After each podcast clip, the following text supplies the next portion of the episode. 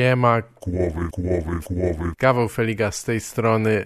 Zaraz przejdziemy do nagrania, puszczę wam rozmowę z Olą Petrus, ale chciałem tylko przekazać wszystkim, że 1 kwietnia będzie pierwsza edycja Nagrałeś to na żywo. Zapraszam wszystkich serdecznie, celebrujemy 50-lecie jedynego podcastu w Polsce w dobrym gronie, bo towarzyszyć mi będą Michał Kutek, Piotr Popek i Piotrek Szumowski. Myślę, że ten e, zróżnicowany skład panelu będzie bardzo e, zapewniał, będzie zapewniał ciekawy e, wieczór. Wstęp jest płatny, ale nie drogi, bo przecież wasza radość jest dla nas wystarczającym wynagrodzeniem. Wszystko będzie 1 kwietnia w Warszawie w klubie Resort o godzinie 19. Zapraszam punktualnie albo raczej przed czasem, bo y, będziemy, nie będziemy wpuszczać spóźnialskich. Nie, y, mamy dość surowe ograniczenia czasowe i musimy się ich trzymać. E, nie będziemy wpuszczać, no nie wiem, może będziemy wpuszczać i, i, i będziemy po prostu karać chłostą, e, którą będzie wymierzał sam Wojciech Cejrowski. Co gorsza, będzie w trakcie opowiadał fragmenty swoich książek też. Więc y, naprawdę warto przyjść o czasie. E, jeśli macie możliwość przyjść na imprezę, to zapraszam. Koniecznie wpadnijcie na żywo, nie liczcie na to, że będzie nagranie, bo pewnie będzie. Ja się staram o to, żeby było oczywiście, ale e, to, że ono wyjdzie w dobrej jakości i że nic się technicznie nie spierdoli, to jest, to jest y, taka mała szansa.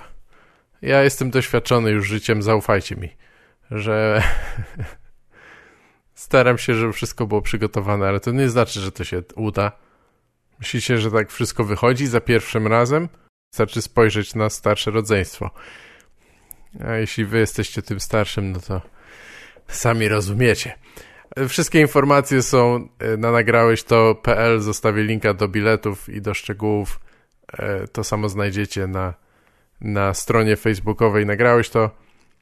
Tymczasem zapraszam na rozmowę z Olą Petrus.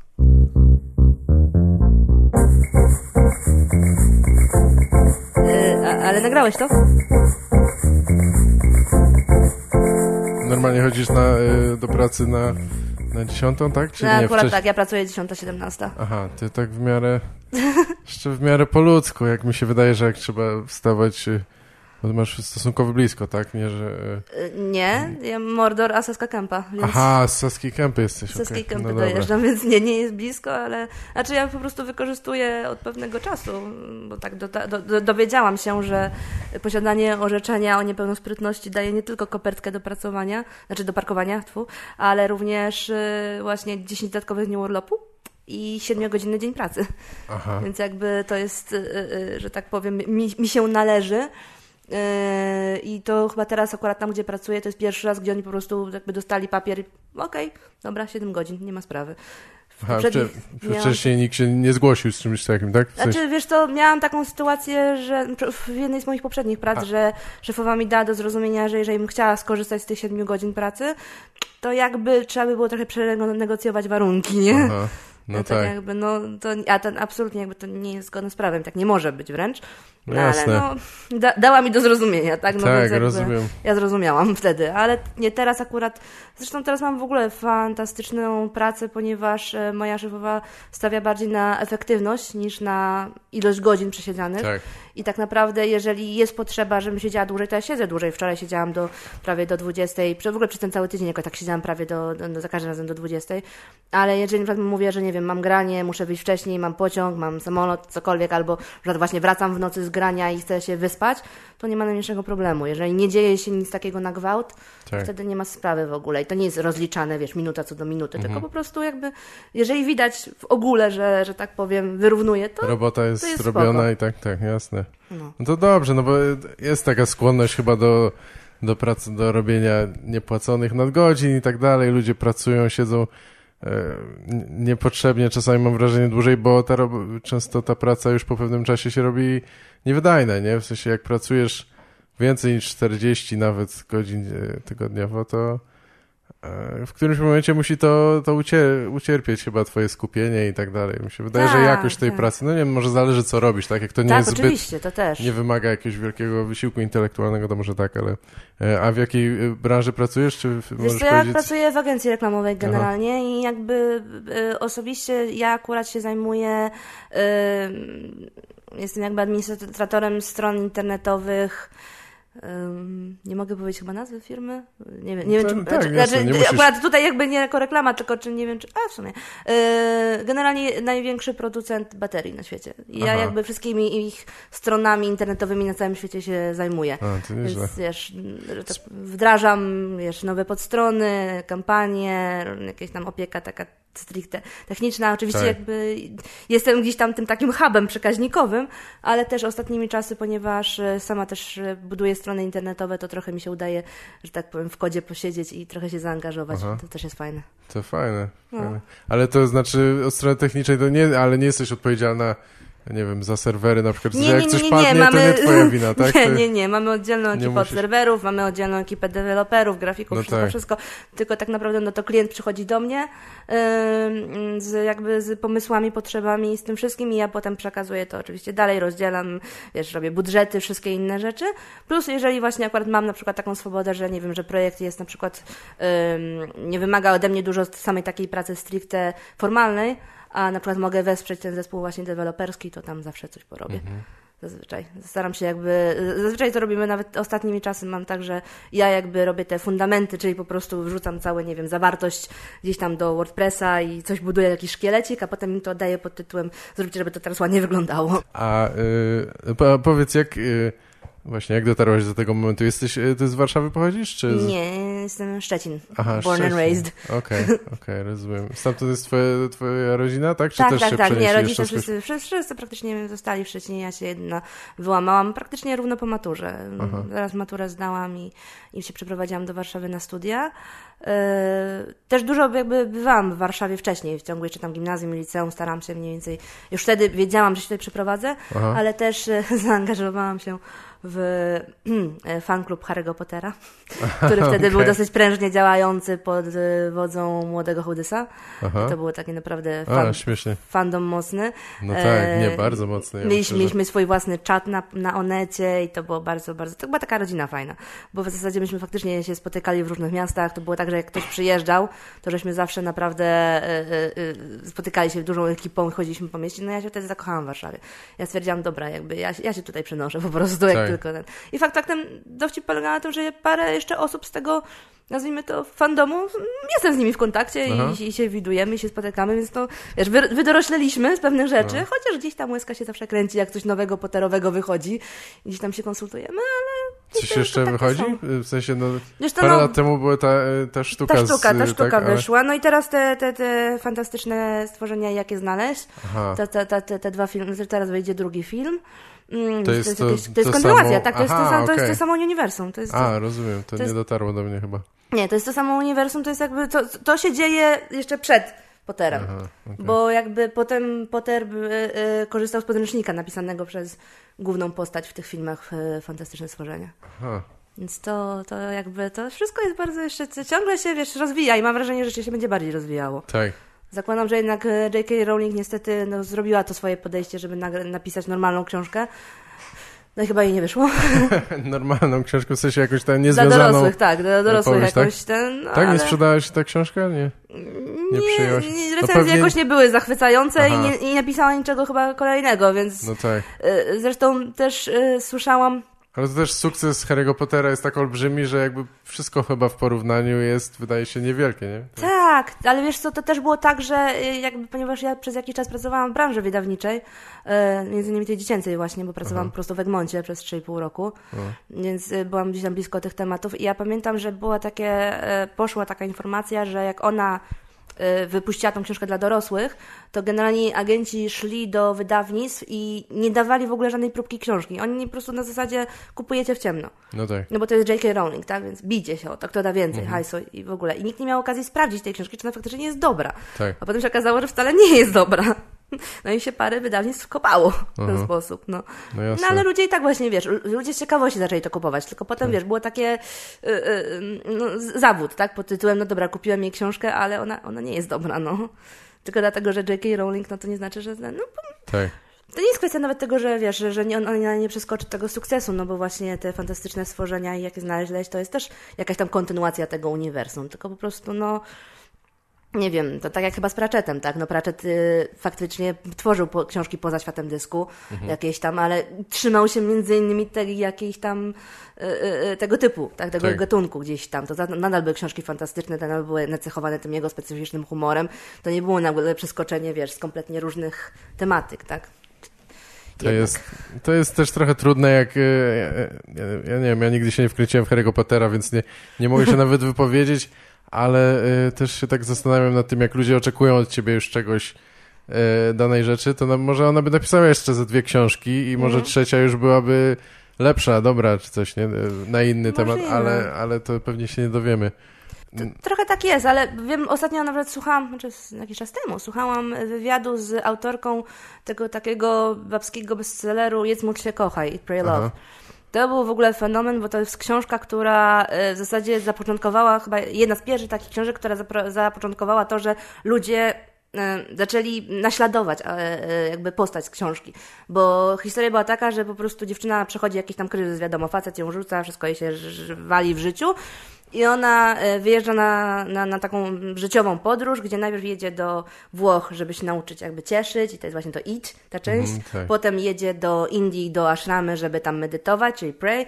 No i potem jedzie na Bali, gdzie właśnie jakoś tam wraca do jakiegoś szamana, którego kiedyś poznała i tam poznaje swoją wielką miłość. I, to, I oczywiście mnóstwo, mnóstwo kobiet na całym świecie zaczęło jeździć właśnie na takie wycieczki. Mm, To generalnie his- historia była na, na, na faktach oparta, ponieważ autorka jakby autenty- swoją historię po prostu opisała. No i Potem jeszcze, potem napisała kontynuację kon- kon- kolejne książki, ale mówiła, że miała taki okres w życiu, gdzie po prostu miała kompletną depresję, ponieważ miała takie poczucie, że no ja już nic lepszego nie napiszę. Ja już, ja już jakby osiągnęłam ten swój sukces. No tak. Zrobiłam to Eat, Pray, Love, na podstawie tego był film z Julią Roberts, było y, właśnie wielki ruch fanek i, tak, i to wszystko, ale no nie, nie przeskoczę tego, dalej to już nie pójdzie, ale dziewczyna sobie świetnie radzi, napisała kolejnych kilka książek, które jakby cieszą się również powodzeniem, nie takim, ale również jakby są pozytywnie odbierane, więc nie ma tego zjazdu pod tytułem Mhm. co napiszesz kolejne, to już jest gorsze. Yy, Tam jakieś TED Talki udziela, generalnie Tak. jakoś taka jest motywu, motywatorką jest taką bardzo mocno. No i się w tym znalazła, no więc można gdzieś. Oczywiście. Nie no, zawsze można. Ja myślę, że jak ktoś ma talent, czy tą, tą pracę wkłada, to może najróżniejsze rze- rzeczy robić, tylko często okaże, okazało się, że musi jednak już potem trochę to adresować do innych ludzi, czy być gotowy, że część zawsze odpadnie, nie? Jak zrobiłeś coś, jakiś tam wszystko jedno, co to jest, nie wiem, płytę jakąś nagrałeś i ona na kolejna brzmi inaczej, no to już z tymi ludźmi się, z częścią się e, nie dogadasz. Na naszym Ale- rodzimym rynku ile takich jest osób? Nie E, wiem. na jakim? Na naszym Aha, rodzimym no rynku jasne, ile jest tak. takie... No nie wiem, no ma- masz wokalistki, patrzcie co się z Chylińską stało, tak? Tak. O ONA, potem ten jej Aha, dziwny ten okres aha, blond elektronicznej muzyki i tego, takich jakichś dziwnych momentów. tak. A teraz wraca tak naprawdę i no jeszcze gdzieś po drodze, przy ta, ta płyta ostatnia, to ta Królowa West to już był taki comeback, ale no też po drodze straciła, tak, no bo gdzieś próbowała czegoś innego i ludzie to już nie jest ta nasza. No ale trzeba jakoś e, zmieniać się, dojrzewać. No, nie, dziwne też jest, gdyby ktoś robił dokładnie to samo, co 20 lat temu, czy No, cokolwiek. nie? To jest, ja myślę, że też by ludzie tego... nie- Znaczy dobra, ktoś by to kupował, zawsze się znajdzie ktoś, kto lubi słuchać tej samej, tego samego kawałka 50 razy, ale, ale bez przesady. No ale dobrze, wr- wróćmy do ciebie. Mhm. Wychowywałaś się w, w Szczecinie, chodziłaś tam do, do podstawówki, tak? Do, li- Podstawówka, gim- gimnazjum, liceum. mówiłaś, że, y, że chodziłeś do katolickich szkół, tak? Czy... Znaczy gimnazjum i liceum chodziłam do Salezjan. Aha, To, okej. to, to, to, to, no to, to szkoła katolicka, fakt faktem jakby księża sami to było tylko dyrekcja i zawsze katecheta. Aha, no Cała tak, reszta tak. to było świecka, ale mm, no było, było, no bo były, nie wiem, chyba na każdej długiej przerwie była modlitwa, z której się oczywiście uciekało, zbiorowa. Y, wszelkie jakieś takie święta kościelne, no to myśmy mieli zaraz obok, kościół był zaraz obok szkoły, takie małe Mhm. kościele, więc tam oczywiście się szło. Imieniny księdza dyrektora to był dzień wolny, no, czy była akademia i potem dzień wolny. Mm, Generalnie było to tak nacechowane, nazwijmy tą wiarą, plus y, byliśmy zachęcani do jakichś tam brania udziału, nie wiem, wyjeżdżania na Dni Młodzieży, jakieś takie e, promowanie Jasne. tej postawy Jana Bosko, który tam tym świętym był naszym patronem, e, który założył w ogóle cały ten ruch Salezjan, więc to gdzieś tam faktycznie się za, e, było widoczne, nie było to nachalne, na pewno, nie było to i, i, i mam wrażenie, że mm, jeszcze to było w tym takim okresie bezpiecznym powiedzmy, że dla łączenia mm, kościoła z młodzieżą. Tak. To jeszcze Aha. był ten okres, kiedy to, to, nie budziło żadnych dziwnych, że tak powiem, ani złych skojarzeń, Aha. tak? Ostatnio pamiętam, że byłam, odwiedziłam moją szkołę chyba w zeszłym roku. Czyli i... w tym okresie niebezpiecznym tak naprawdę. Tak, w tym okresie niebezpiecznym. Bo nie, bo nie budziło żadnych skojarzeń i nikt, e, nikt, się tym nie interesował. Tak, tak. Ale tak. nie, nie, ja w ogóle nie do tego zmierzałem, tak z ciekawości, wiesz, no, no powiedz, powiedz. Nie, bo byłam ostatnio właśnie i wiesz, mm, właśnie w związku z reformą szkolnictwa, no to musieli zlikwidować y, gimnazjum i odpa odpalić tam podstawówkę. Tak. No i miałam takie chwile zawahania pod tytułem, czy jakbym chciała dziecko wysłać do podstawki w dzisiejszych czasach, uh -huh. to czy na pewno bym jakby tak. Nie, jakby ja wiedząc, jak ta szkoła wygląda, jak funkcjonuje, że była całkiem spoko, to jakby nie miałabym pewnie tych oporów, ale będąc osobą z zewnątrz, nie mając mhm. tego doświadczenia, no to myślę, że będzie im ciężko zwerbować.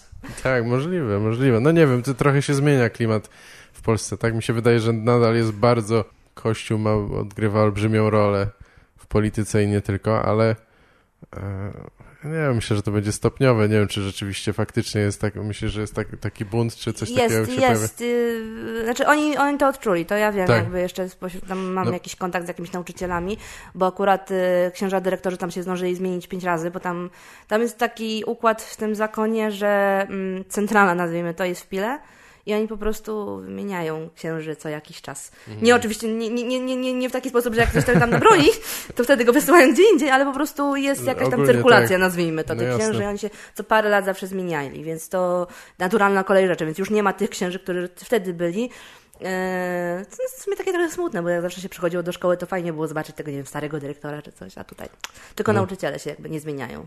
Ale powiedz, jesteś jakoś, jakoś y, duchowo, religijnie związana dalej nie, z kościołem? Nie, nie, ja w bo ogóle, na scenie się... ja zmieniłam wyznanie po drodze. No właśnie, deklarujesz się na scenie, że jesteś y, protestantką, dobrze Protestantką, pamiętasz? zielonoświątkowcem tak zwanym. Aha. Nie, nie, nie tak trochę... bardzo zaangażowana, jakbym chciała, ale, ale jeżeli chodzi o jakby wybór tej drogi i tego kierunku, nazwijmy to, to zdecydowanie to jest mi bliżej. I tam się, że tak powiem, jeżeli już potrzebuję jakiegoś kontaktu, to wolę tam się wybrać. Tak.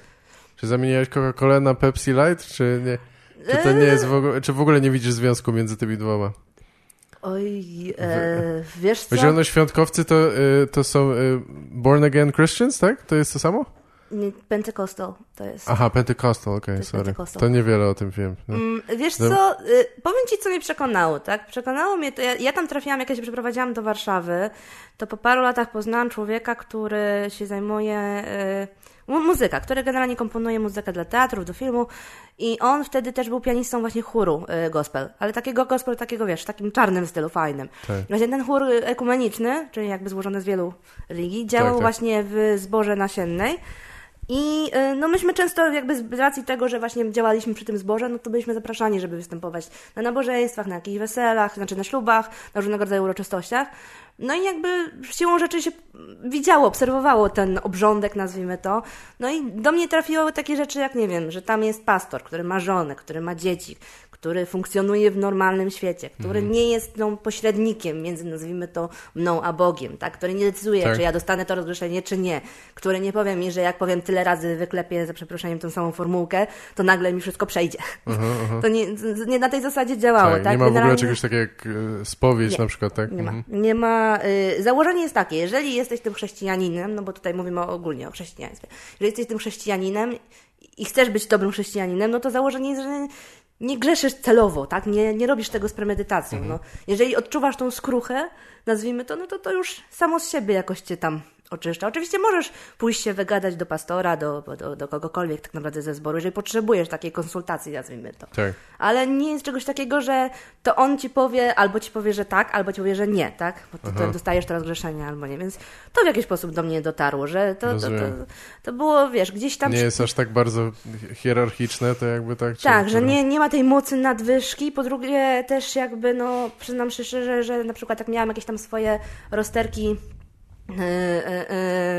przeżycia, że tak powiem, damsko-męskie, nazwijmy to w ten sposób, to wiesz, rozmowa z pastorem, który ma żonę i dziecko, tudzież z pastorową nawet, bo ona mhm. też tam mocno działa, no to jakby ma się poczucie, że ten człowiek wie o czym mówi. No tak, przynajmniej ma jakieś doświadczenie. No dokładnie, jakby wiesz, no to jest zupełnie co innego niż jak facet, który za przeproszeniem przynajmniej powinien był nigdy niczego nie próbować, ci zaczyna tłumaczyć, wiesz, e, indoktrynować cię na temat tak. twojego życia prywatnego, tak? No przynajmniej przed... Y, no tak, teoretycznie masz rację, bo nawet, y, bo nie powinien uprawiać seksu przed ślubem, czy coś takiego, no, tak? No, no, dokładnie, no więc powinien przed, całe życie w y, czystości, no. Teoretycznie tak, tak. Więc tu jest jakby, no to dużo, dużo tam było takich rzeczy, które mnie po prostu zachwyciły, tak? To, że ludzie się modlą własnymi słowami, a właśnie nie formułkami, że generalnie jest czas, kiedy po prostu wszyscy podczas nabożeństwa na głos albo gdzieś tam w duchu w sobie po prostu tak. się modlą i, i, i to jest w jakiś sposób gdzieś dla nich oczyszczające, tak? Mhm. To, to po prostu mm, to jest niesamowicie fajna społeczność, do której,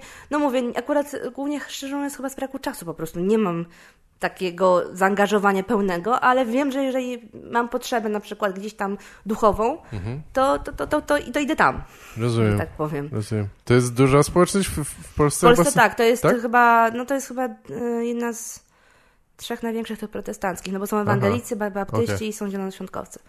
Więc jakby to, ale to mówię, to jest czysty przypadek, że akurat tam trafiłam, natomiast tak. zakładam, że pewnie tym prote protestantyzm sam w sobie jest mi zdecydowanie bliższy niż katolicyzm po prostu. No tak, roz, rozumiem, to trochę, trochę jest bardziej praktyczny może, nie? Taki nie, Między innymi, bardziej trochę. praktyczny, bardziej wiarygodny jakby, Aha, okay. po prostu. A, a nabożeństwa są y, y, też co tydzień? Czy tak, nie, są tak... nabożeństwa, jest, jest nabożeństwo też co niedzielę jakby, jest kilka opcji, w ogóle tak. są bardzo y, bardzo dużo... Gdzieś w jakiejś sali konferencyjnej, czy mają... Nie, jest zbór zielonoświątkowy. To jest takie duża jakby e, budynek, e, Aha. on jest nasiennej właśnie i tam, się, tam jest wielka taka aula, nazwijmy to do nabożeństw. Mhm. Jest bardzo fajna rzecz, bo na przykład jest takie małe akwarium, czyli taka wydzielona część, która jest zamknięta, jakby się wchodzi od zewnątrz do niej, ale jest oszklona cała i od środka są głośniki i tam są dywaniki dla dzieci, ma dla maleństw, więc wiesz, nie masz czegoś takiego, że ci dziecko popiernicza gdzieś tam po środku auli i drze twarz, tylko oni są wyizolowani, ale tak. słyszą i uczestniczą w nabożeństwie, tak?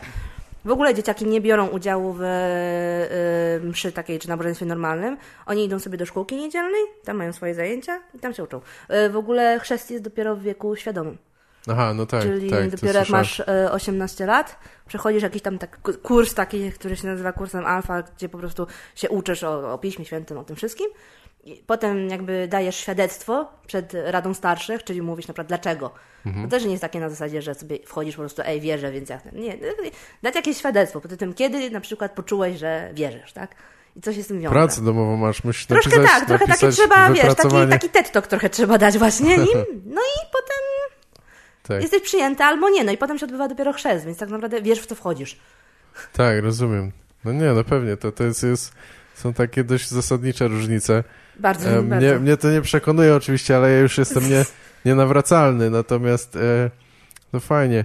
Ja, a powiedz mi, jak, jak, jak wspominasz w ogóle lata, lata szkolne i, i tak dalej, e, Dobrze cię traktowali tam w tej szkole katolickiej, czy... Wiesz co, w ogóle jakby jeszcze do podstawówki jeszcze wracając, ja akurat tak. podstawówkę miałam bardzo fajną, bo to była taka społeczna szkoła, mm, która była bardzo artystyczna. Myśmy tam A. na przykład przy szkole, jakby przy podstawówce od razu działała taka mm, jakby szkoła muzyczna mała, gdzie po prostu myśmy od pierwszego, od pierwszej klasy każdy już grał na pianinie, chodził na zajęcia na pianinie. Mhm.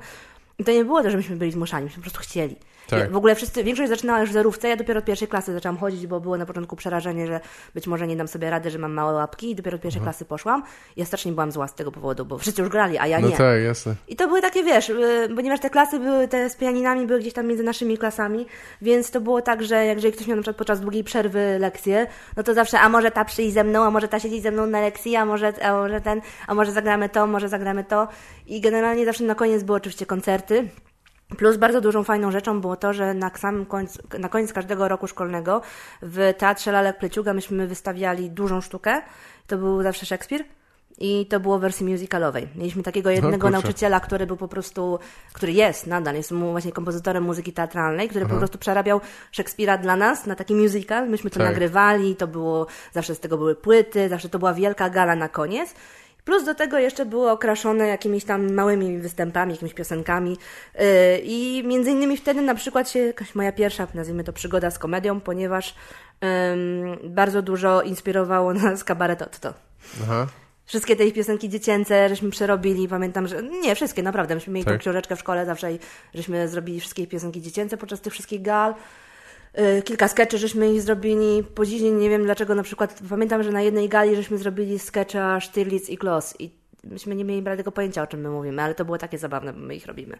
Więc jakby nasza miłość do nich była ogromna wtedy w szkole. Ale to byłeś w jakim wieku? W której klasie? No to była druga, trzecia O podstawówki. Jezu, to rzeczywiście, to chyba na jakikolwiek kabaret trochę za wcześnie, ale, Ale no, ale no, to no, plus Otto wtedy właśnie robiło tą płytę, tą Otto dzieciom, tak? No były te wakacje, było w, bardzo trzeciej, takie... w trzeciej klasie ro, robiście Szekspira też, tak? Tak, w pierwszej, w pierwszej klasie było Romeo i Julia, w drugiej był nocy letniej, w trzeciej było Wieczór Trzech Króli, Aha. Potem jeszcze robiliśmy, robiliśmy Fredrę raz, bo robiliśmy Pana Jowialskiego. No dobrze, że nie jakiegoś Hamleta czy coś, chociaż w Romeo i Julia też jest dość hardkorowe, powiedziałbym, Jest, jeśli była tematykę. scena śmierci, wszystko, Tak. było, byliśmy na ten, ale powiem Ci, że te piosenki były tak fajne, tak nośne, Mhm. że myśmy potem, bo to było zawsze na zakończenie roku szkolnego, więc myśmy potem te płyty zabierali na wakacje i myśmy, wiesz, te piosenki śpiewali jeszcze przez całe wakacje, tak? I dopiero potem się wracało na, do, na, na pierwszy dzień nowej szkoły. Tak. No i było to, co w tym roku robimy.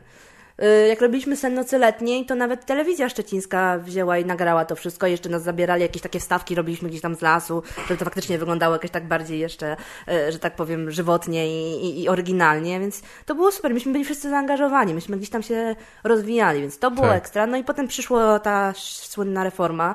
Ja byłam tym pierwszym rocznikiem, więc w ogóle się po prostu Mm, mm, Wiesz, myśmy byli fajną, zgraną ekipą, tam było, tam była na- jedna klasa na każdy rocznik, więc to nie była duża szkoła. No i wiesz, nagle w szóstej klasie się dowiadujemy, że już musimy się rozstać, za chwilę, koniec, dziękuję, do widzenia, nie? No tak. No i w zasadzie e, poszliśmy, no wybraliśmy to gimnazjum, bardzo duża część osób ode mnie ze szkoły właśnie wybrała e, to gimnazjum, no tam część się porozchodziła. I gimnazjum samo w sobie było dosyć ciężkie, dla mnie przynajmniej, bo to był taki moment, kiedy e, bardzo dużo osób już miało takie podejście, że już chcieli być bardziej dorośli niż są, bo przeszliśmy do nowej szkoły, to już jest gimnazjum, już jesteśmy bardziej dorośli. Tak. I wtedy też troszkę, mm, tak jak ja na przykład nie miałam problemu żadnego, żeby, nie wiem, bawić się głównie z chłopcami, bo się głównie bawiłam z chłopcami, bo wiesz, ja się interesowałam komputerami, miałam gry, Aha. lubiłam się, nie wiem, pobrudzić, jeździć na rowerze ostro i w ogóle. Tak. tak, y, ja się z dziewczynkami nie za bardzo dogadywałam. Tak, pójście do gimnazjum, gdzie już był ten taki podział, że już wiesz, chłopaki podrywali dziewczyny, już to, to, to jakby trochę nie bardzo pasowałam w ten schemat, tak? No Bo ja nie tak. chciałam się z tymi dziewczynami szlajać, nie chciałam się z chłopaki, nie chcieli się ze mną, nie chcieli się ze mną szlajać, nazwijmy to. Tak. Więc trochę, trochę odstawałam i tam faktycznie przez te y, trzy lata no nie było tak stuprocentowo fajnie. Powiedziałabym wręcz, że było, jeżeli chodzi o samo gimnazjum, to było do, do, do, do dupy, naprawdę. Natomiast y, uratowało mnie bardzo szybko właśnie liceum. Y, I nie tylko jakby moje liceum, jak ja przeszłam, tylko nasze y, mm, gimnazjum i liceum się mieściło w tym samym budynku. I ja bardzo szybko gdzieś tam zaczęłam sobie znajdować właśnie znajomych wśród licealistów. I w zasadzie, wiesz, dzwonek na przerwę, ja pff, jestem w liceum już, nie? Aha. I tam w zasadzie bardzo dużo jakoś tam fajnych ludzi poznałam, szczególnie właśnie w ostatniej klasie, kiedy gdzieś tam e, koledzy, ko, kolega mój, jakby, którego jeszcze znałam poza prywatnie, e, trafił właśnie do tego liceum. I on miał jakąś tam swoją grupę kumpli, no i oni mnie, że tak powiem, zaadoptowali trochę. Ja byłam, ja, ja byłam to, była taka grupa, taka loża szyderców. To było sześciu kolesi z jednej Aha. klasy, którzy po prostu każdą przerwę spędzali na ławce, siedząc, obserwując, cisnąć każdemu, co się Okej. jakby dało. No i... Czyli i... ani, ani kujony, ani sportowcy, nie, czy coś nie, tam, nie, po prostu takie, takie totalne, no, no, no, no, no, mówię, sceptycy wrodzeni. Sceptycy, tak? dokładnie, tak. tacy sceptycy, ale właśnie to było dobre, bo teraz sobie zaczynam po prostu kojarzyć pewne fakty, jeżeli chodzi o właśnie o moją obecną, nazwijmy to, karierę, że właśnie ja ich kupiłam tym, że ja byłam cholernie złośliwa. Ja trafiałam do nich, ja na dzień dobry każdemu cisnęłam. Aha. To była taka nasza na, na dzień dobry, po prostu ja im cisnę, oni mi cisną, okej, Tak. dobra, jest, jest w porządku i już siadałam koło nich i już jakby byłam ichnia, nie? Aha. I to było takie, wiesz, takie, takie strasznie fajne. A gdzie się tego nauczyłaś? Wcze- jak wcześniej, jak byłaś młodsza, czy to jakoś przyszło samo? Co? Wiesz co? Bo mi się wydaje, że to takie... W pewnym Masz sensie... rodzeństwo? Nie, nie mam rodzeństwa, Aha. mam rodzeństwo cioteczne fakt faktem. Tak. I mój brat cioteczny bardzo mocno mnie jakby e, wpłynął na mnie, bo on jest właśnie informatykiem takim z prawdziwego zdarzenia. On jest po prostu mózgiem, pracuje w Niemczech, w tych korporacjach komórkowych, tam się o niego biją co chwilę, albo go Nokia bierze, albo Ericsson, albo coś innego. I Okej. to jest naprawdę mózg ostry i on, on mnie wychował pod tym kątem. On generalnie bardzo szybko zaczął mnie uczyć co i jak. Ja chyba miałam 8 lat, jak zaczęłam chodzić na kursy komputerowe, takie w sobotę o 8 rano, nie wiem dlaczego. Po dziś dzień nie, nie rozumiem, kto mnie w to wciągnął w ogóle, jak ja byłam chętna, ale ja chodziłam o tej 8 rano i to było To tak, że no. była grupa chłopców, takich właśnie nastolatków na tym kursie. No i ja, Mhm. gdzie ja byłam naprawdę po prostu takim, takim małym knypkiem, nie wiadomo o co chodziło, ale tam pykałam te drzewka w Nortonie, jakby byłam sobie zadowolona, że ja potrafię tutaj w, No. DOSie coś kodować i w ogóle taka, to było cudownie. Pewnie, pewnie popłaciło później, nie? Jednak Popłaciło, to obycie tak. z tym jakiekolwiek chociażby. Tak, no i wiesz, i w zasadzie, mm, no więc właśnie ja byłam zawsze ta, co miała te gry, to wszystko, więc e, e, jak tam trafiłam, więc przebywałam głównie wśród tych chłopaków, natomiast tej samej złośliwości chyba trochę po tacie, znaczy nawet mocno po tacie. Aha. Mój ojciec jest e, człowiekiem o bardzo mocnym charakterze, o bardzo si silnej osobowości, no i jest cholernie złośliwy. Aha, okej. Jest jakby y, cholernie złośliwy, ale w takim stopniu, że po prostu jemu to też jakoś tam pewnie zak- zakładam, że pomagało w życiu. Mhm. Więc ja obserwując to, trochę nabyłam takiego pod tytułem, że jeżeli ja będę taka heja do przodu, Tak. i ja komuś pierdzielę, zanim ktoś pierdzieli mi, Aha. no to to się przebije, nie? No i w zasadzie Jasne. tak, tak, tak właśnie chyba trafiłam do tej ekipy. I potem już w zasadzie w, w, w drugą stronę, potem już przyszłam do liceum i y, to była taka sytuacja, że właśnie już były te profilne, więc y, klasa była informatyczna, matematyczna, więc nas tam znowu było chyba cztery dziewczyny i chyba parunastu chłopaków w klasie. No tak. Znowu te, to był ten bilans, który mi odpowiadał, tak? Bo wtedy byłam znowu w, w tej grupie bardziej męskiej, nazwijmy to. Tak. I już się wtedy, a plus jeszcze miałam właśnie tych moich już kolegów z starszych klas, więc wtedy jakby było w porządku wszystko. To już się Spoko. wyrównało, że tak powiem. Tak, tak. Trzeba znaleźć swoich jakichś ludzi, nie? I wtedy już trochę jest, tak, tak jest wiesz lepiej. A, To jest A- trochę takie, że tak powiem, e, sm- smutne nazwijmy to, ale e, mi się wydaje, że właśnie głównym powodem, dlaczego ja się tak trzymałam zawsze z chłopcami, a, a nie z dziewczynami, było to, że mm, wśród dziewczyn, jeżeli byłam, no to byłam porównywana do tych dziewczyn, tak? No bo te wszystkie dziewczyny były wysokie, szczupłe, nie wiem, mniej pokraczne, nazwijmy to, niż ja. E, No i wśród nich powiedzmy, że gdzieś tam byłam na tym końcu. Jeżeli chodzi, jeżeli się oceniało, no bo dziewczynki tak, tak się postrzegało, no oceniało się przez Tak. ich urodę głównie, niestety. A wśród chłopców ja po prostu byłam one of the boys. tak. Tu nie było w ogóle żadnego, wiesz, żadnego y, porównywania, tu nie czułam się gorsza nigdy wśród chłopaków, tak? Wśród dziewczyn zawsze, wśród chłopaków Tak, nigdy. naprawdę? Tak, naprawdę? Nie, Tak. nie, nie. Aha. Wśród, wśród Nikt chłopaków... nie dawał ci do zrozumienia, że, że jesteś inna, czy coś, się- że... Znaczy, wśród chłopaków nie. Tak. Dla nich to było, wiesz, dla nich ja byłam atrakcją w jakiś okej. sposób, nie? Bo ja, ja po prostu, wiesz, ja się, ja się nie, nie, nie szczepałam nigdy, nie, nie miałam oporów, żeby wchodzić w nowe środowisko, nie miałam oporów, żeby wchodzić wśród nowych ludzi. Trochę tak, mm, ktoś mi kiedyś napisał, koleżanka mi kiedyś w jakimś liście napisała, że jak wchodzisz do grup między ludzi, to domyślnie domagasz się akceptacji. Że w zasadzie, wiesz, ja właśnie wchodziłam do, nie wiem, do nowej klasy, nie wiem, na obozie, do nowej grupy i ja nie mogłam, nie przyjmowałam do wiadomości, że ktoś, ktoś by mógł mnie nie zaakceptować. No bo dlaczego? No co, bo jestem niższa? No, no Tak, nie, tak. no. Jasne. To nie jest powód, tak. To kto, kto, kto był gorszy, dziewczynki czy dorośli?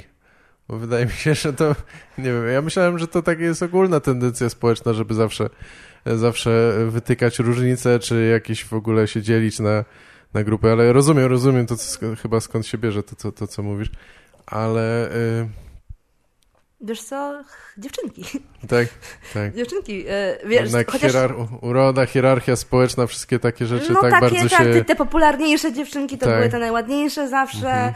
To były zawsze, wiesz, te, te, te, co, że tak powiem, trochę inaczej chłopcy na nie patrzyli, tak? No tak. bo, bo je zdobywali je, je, je, i chcieli, tak, ja zawsze byłam ta, ta kumpela, tak, więc na przykład jeżeli mm, właśnie miałam tę swoją grupę, nazwijmy to takich bliskich kumpli, którzy, że tak powiem, gdzieś tam byłam wśród nich zawsze i pojawiały się jakieś dziewczyny wśród nich, znaczy mnie- ich dziewczyny, że tak powiem, Tak. to oj, byłam straszną zołzą. O Okej. Jezus Maria, to był po prostu hejt z mojej strony taki, Aha. że to się w głowie nie mieści. Mój brat właśnie cioteczny, jak on swoją pierwszą dziewczynę miał, o Jezus Maria, to, to ja, byłam, ja byłam potworem. Dla, dla niej, dla niego też oczywiście, po prostu ja nienawidziłam jej całym sercem swoim, jak się tylko dało. E, z tego powodu po prostu, że wiesz, zabierała mi brata. No halo, co jest w ogóle? Tak. You bitch. E, ale karma wróciła jak nie wiem co, ponieważ ona, oni są, on, on pochodzi ze Szczecina tak samo jak ja i ona też ze Szczecina, znaczy tam z okolicy Szczecina. Mm, I właśnie jak przyszłam teraz do pracy w mojej obecnej firmie, to się okazało, że ona tam pracuje. No co ty? I po prostu gdzieś tak po jakichś 15 latach.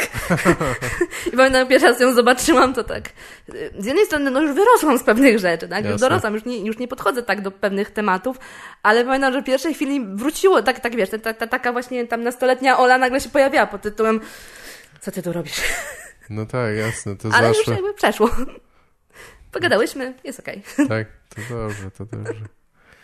No dobrze, czyli mówisz, że, że jakby przygody sceniczne zaczęłaś też, też dość wcześnie, nie? Mhm. W sensie wy, wyuczone powiedzmy w szkole, czy coś, czy... Jakieś tam e, były doświadczenia. Tak. Ale y, jak byłaś już w liceum, czy coś zapatrywałeś się, że będziesz informatykiem, nie, czy coś takiego? Znaczy, czy miałeś jakieś plany takie? Czy... Moje plany się e... zmieniały intensywnie. Ja planowałam, tak. na pewnym etapie miałam być Chciałam studiować biologię na Oksfordzie. Aha. Tak, to był mój pomysł. Chciałam bardzo wyjechać w ogóle do Anglii na studia, bo tak jakoś mi się podobały te, wiesz, Oxford, Harvard, takie aha, rzeczy. Aha. E, znaczy, no, tam to Cambridge. E, czy w ogóle wyjechać właśnie z kraju, to e, moja rodzina jest mocno nacechowana medycyną. Znaczy wszystko powyżej, rodzica, powyżej moich rodziców. Moi Aha. dziadkowie, moje, e, tam rodzina mojego ojca. Wszyscy i w tej branży, tak? Tak, to jest branża medyczna głównie, więc jakby... A, a właśnie, bo, bo rodziców nie pytałem, czym się zajmują, czy zajmowali? Mm, Generalnie mój ojciec y, prowadzi własną firmę od lat, chyba tyle, ile, ile ja prawie żyję. Y, zajmuje się y, budowaniem, projektowaniem gazociągów, wodociągów, generalnie Aha. ta branża. Jak byłam mała, to kiedyś wypaliłam się, ktoś mnie spytał, co to robi twój tatuś, powiedziałam, puszcza gazy. Close enough. Okay. Moja mama pracuje w, że tak powiem, praca biurowa. Pracuje generalnie w takich księgowościach i kontrolingu. Generalnie moja mama bardzo długo się zajmowała mną. No, jak ja się urodziłam, to poświęciła jakby mi swój czas, tak. swoją karierę. Yy, co uważam, że w zasadzie to równoważne jakiejkolwiek innej karierze, bo naprawdę dzięki, dzięki moim rodzicom w zasadzie wyszłam na takiego człowieka, jako, jakim jestem, że się właśnie nie boję, nie wstydzę, że wychodzę na tę scenę. To zdecydowanie dzięki temu, że mój ojciec jakby dawał te fundamenty, które były potrzebne, żeby, że tak powiem, funkcjonować w tym świecie i pracował bardzo, bardzo ciężko, żeby nam było po prostu dobrze, żeby mi było lepiej niż jemu na przykład. Mhm. A moja mama właśnie koncentrowała się na tym, żebym ja po prostu nigdy się się nie, nie wstydziła tego, jak wyglądam, żebym się nie bała wychodzić do ludzi, żebym nie czuła, że czegoś nie mogę, bo tak. ja bardzo dużo rzeczy próbowałam już za młodo, wiesz, jak miałam jakieś pomysły na jakieś zajęcia pozalekcyjne, bo każdy chodził na jakieś zajęcia pozalekcyjne też u nas w szkole właśnie, to nie było czegoś takiego, mm, mm, nie, bo może nie dasz rady, bo może, bo, bo może nie. Mhm. Pamiętam, że strasznie chciałam dołączyć do zespołu tanecznego w mojej, y, moja przyjaciółka z podstawówki właśnie chodziła. Ja strasznie chciałam też chodzić tańczyć. No i na początku był taki opór, że no może niekoniecznie, może jednak nie, ale tak. pamiętam, że potem w końcu się zgodziła, więc poszłam na te zajęcia próbne. I pierwsze co, to właśnie nauczycielka podeszła do mojej mamy i w zasadzie po zajęciach tylko spytała, dobra, czy jest coś, czego ona nie może robić? No w zasadzie, czy nie wiem, nie może się jakoś tam rozciągać, czegoś, czego nie tak. może. Powiedziała, że w zasadzie, no nie, no dobra, mhm. no to jest w zespole. Nie było czegoś takiego, że wiesz, że ojej, kuś Maria, czy sobie poradzi. Z graniem na pianinie było identycznie, ponieważ ja od pierwszej do trzeciej klasy grałam na keyboardzie, ponieważ założenie nie było, że ja y, lżejsze klawisze, mniejsze palce, więc będzie keyboard lepszy. I właśnie nauczyciel, który powiedzmy, że potem prowadził mnie aż do, aż do matury w zasadzie, yy, przejął jakby mnie i pamiętam, że przychodzę na pierwszą lekcję, ja targałam ten keyboard sama, ten keyboard był większy ode mnie, ale ja go targałam zawsze na boku i przychodziłam na te lekcje, no i przychodzę na tą pierwszą lekcję właśnie z tym keyboardem, i on się tak patrzy na mnie i tak mówi, po cholerę to przyniosłaś, nie? Mówię, no, mamy tutaj, mamy nie? lekcję, no. Mówię, ale przyszłaś do mnie na lekcję pianina. Więc no siadasz tak. do pianina i, ten, i się wdrapywałam na ten stołek i siadam do tego pianina. I tak, gram na pianinie, nie? Więc zupełnie jakby zmieniło się, więc tacy ludzie gdzieś tam w moim życiu pojawiający się, którzy właśnie nie patrzyli na mnie przez pryzmat nie, nie poradzisz sobie, tylko ewentualnie co zrobić, żeby ci było łatwiej, ale, ale rób to samo, mhm. czyli wiesz, stołki, nakładki, dodatki i tak dalej, ale nie odmawianie sobie czegoś, no tak. to to jakoś wykształciło ten taki, wiesz, instynkt pod tytułem, że nawet jeżeli coś jest, czego na przykład chciałabym spróbować, a nie jestem pewna, czy dam radę, no to to się zawsze znajdzie jakiś stołek, żeby tam sięgnąć. Jasne, jasne. Wiesz, tak jak fajne, teraz nawet no. występuję, się śmieję, że przecież e, mm, czasami się zdarza, że przychodzę na jakiś występ i na przykład scena jest jakaś taka, wiesz, prowizorycznie zrobiona, ale na przykład no ma te, nie wiem, pół metra wysokości, tak? Tak. No i zazwyczaj jak ktoś organizuje, to nawet nie wpadnie na ten pomysł, że tu może być pewien fuck up. Tak, nie- nie zasadzie, że jakiś, tym, nie? jakiegoś podestu nie ma, nie? No i zawsze jest organizowanie, taka skrzynka po piwie, a to coś, coś się da radę zrobić. No Mhm. ale już się śmiałam, że zaraz piszę sobie w rider, tak, że muszę mieć generalnie swobodny dostęp do sceny, muszę się wtrapać na nią, no bo inaczej nie dredę, tak. No tak, to się wydaje głupie, ale, ale może nie jest, nie? Bo jednak o No podstawowych to jest czasami, realie, tak, dla mnie, to są czasami realie. o podstawowych rzeczach ludzie, ludzie nie, nie, nie pamiętają, czy nie pomyślą właśnie nawet, nie? No, E, mm, nawet o tych u, uniwersalnych powiedzmy, nie? no. Ale to już inna sprawa. Natomiast y, no tak, no to fajnie, czyli rozumiem, że mimo wszystko miałeś y, dobre dzieciństwo, czy nie? Czy tak, Tak, przynajmniej miałam, nie, wiesz co, teraz naprawdę, patrząc wstecz, nie? Patrząc teraz Bo- wstecz, poza tym epizodem tak naprawdę gimnazjalnym, gdzie naprawdę to się Tak. tylko działo w gimnazjum, to tylko działo się powiedzmy, że na lekcjach, kiedy spędzałam czas z moją klasą. Też, wiesz, to, to, to dochodziło do takich e, momentów, że ja na przykład w pierwszej klasie bardzo właśnie jeszcze byłam nastawiona na to, żeby spędzać czas z chłopcami i moja wychowawczyni ówczesna, która no nie była kobietą normalną moim zdaniem, e, potrafiła przyjść do mojej mamy i po prostu, kiedy ja się pokłóciłam na przykład z jedyną koleżanką, którą trzymałam się w klasie, to ona chciała nas wysyłać do psychoterapeuty, tak, że, bo, bo, bo dlaczego Ola się nie chce bawić z dziewczynkami, no. Moja mama nie widziała w tym problemu, no Tak. i, i nie powinna była w tym widzieć żadnego problemu, tak. Natomiast gdzieś, wiesz, y, y, ja dopiero późno, późno, późno się dowiedziałam, znaczy się tak naprawdę y, y, ym, sama doszłam do wniosku właśnie dlaczego mnie tak zawsze ciągnęło w tą drugą stronę, ale wiesz co, to tak naprawdę się powtarza, no bo nie oszukujmy się, no najpierw właśnie te, te czasy jakby tam dziecięce, potem studiowanie informatyki, potem praca generalnie w branżach takich też, no zazwyczaj właśnie jestem tym project managerem, nazwijmy to, który gdzieś tam zarządza jakimiś właśnie grafikami, programistami, animatorami, różnego typu te rzeczy, więc zazwyczaj też jestem gdzieś tam tym client serwisem, czyli tą dziewczyną nad grupą mężczyzn, nazwijmy Tak. to, no i stand-up, no tutaj też jakby jestem w tej mniejszości. No tak, to jest... Więc to, to niestety to, to się zaczęło bardzo wcześnie i to zostało do dziś dzień. Tak. Nawet nie wiem, czy stand-up nie jest najbardziej zdominowany przez facetów, tym z tych, które wymieniłaś jakby po drodze. Te, P- Zbliżone do Sektorów. studiów informatycznych, bo tam, No tak, tam też tak. było tak, że było chyba na pierwszym roku było 153 osoby i jakieś 6 dziewczyn. Aha, wow. Więc to No podobna nie, no proporcja. Dobra. No tak, to Mniej więcej jak u nas. I co, aha, prze- przeniosłaś się na, y, na studia do... Przyniosłam się do, do Warszawy na Do studia, Warszawy. na informatykę. Bardzo szybko podjęłam pracę w studiu animacji i generalnie pracowałam dla, dla firmy, znaczy firma, którą, którą, w której pracowałam, y, mm, produkowała animacje dla Hallmarku, dla takiej amerykańskiej, brytyjskiej firmy produkującej kartki różnego Aha. rodzaju okolicznościowe z takimi Ale oni specyficznymi nie, w, w, w Polsce nie operują, nie? W sensie nie sprzedają Nie, nic. nie, w Polsce, gdzieś tam czasami w Empiku, gdzieś widać te, Tak? te, te, te, to są takie misie, takie, takie beżowe misie Forever Friends się nazywają, Aha. tam gadżety z tym się pojawiają, No ale tak, bo w Stanach to jest chyba najbardziej znana marka w ogóle. Tak, oni mają typu, telewizję, a... oni mają te kartki. Telewizję oni... mają? A jest, nie jest telewizja nawet. Hallmark. Ale to jest taka typowo amerykańska, taka feel good telewizja, gdzie Tak. po prostu wszystkie te filmy są takie przyjazne, miłe. Teraz oni mają cykl świąteczny, więc oczywiście jest pierdolec na punkcie świąt u nich, więc to jest takie wszystko takie, takie, takie południe amerykańskie, takie wszystko jest ładne. Aha, Mm, Więc to jest to. A w Wielkiej Brytanii to faktycznie kartki. Kartki i, i, i Tak. u nich ten, ten, ten biznes kwitnie. Natomiast też przy okazji tej pracy podjęłam współpracę z magazynem dziecięcym y, ze Światem Przygód z Hugo. Taki troll był taki na Polsacie. tak, tak, pamiętam. Znaczy... I w tym magazynie było 8 stron komiksu co miesiąc. I ja Aha. byłam scenarzystką tego komiksu. A, ekstra. Ja pisałam scenariusz, miałam, y, że tak powiem, do, do, dokoptowano mi rysownika, który rysował to i generalnie przez chyba 3 lata prawie byłam autorką takich 8 stron co miesiąc. Nieźle. Strasznie jest... wdzięczne zajęcie. Tak? Strasznie wdzięczne zajęcie, wiesz co, bo pozwalało po pierwsze no, kreatywnie się wyżyć, Aha.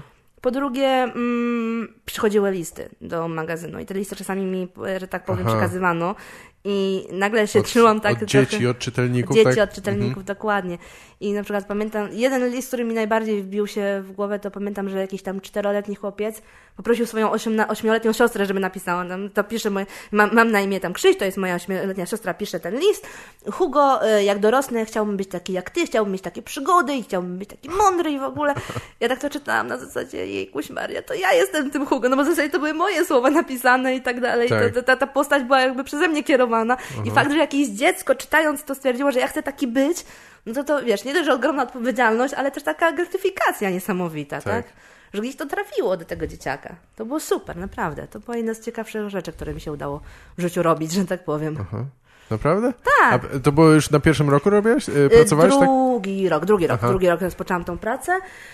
Yy, I w zasadzie potem już tak cały czas szłam yy, w różne jakby miejsca, no potem jakoś podjęłam, yy, z nimi współpracowałam tak z przerwami nazwijmy to, mm, ponieważ też no, właśnie w pewnym momencie trudno jednak było utrzymać i pracę i studia, No więc tak. musiałam sobie przerwać, dokończyć studia, potem do nich wróciłam na jakiś czas. E, w zasadzie, no generalnie głównie jeszcze dalej pracowałam w tych animacjach.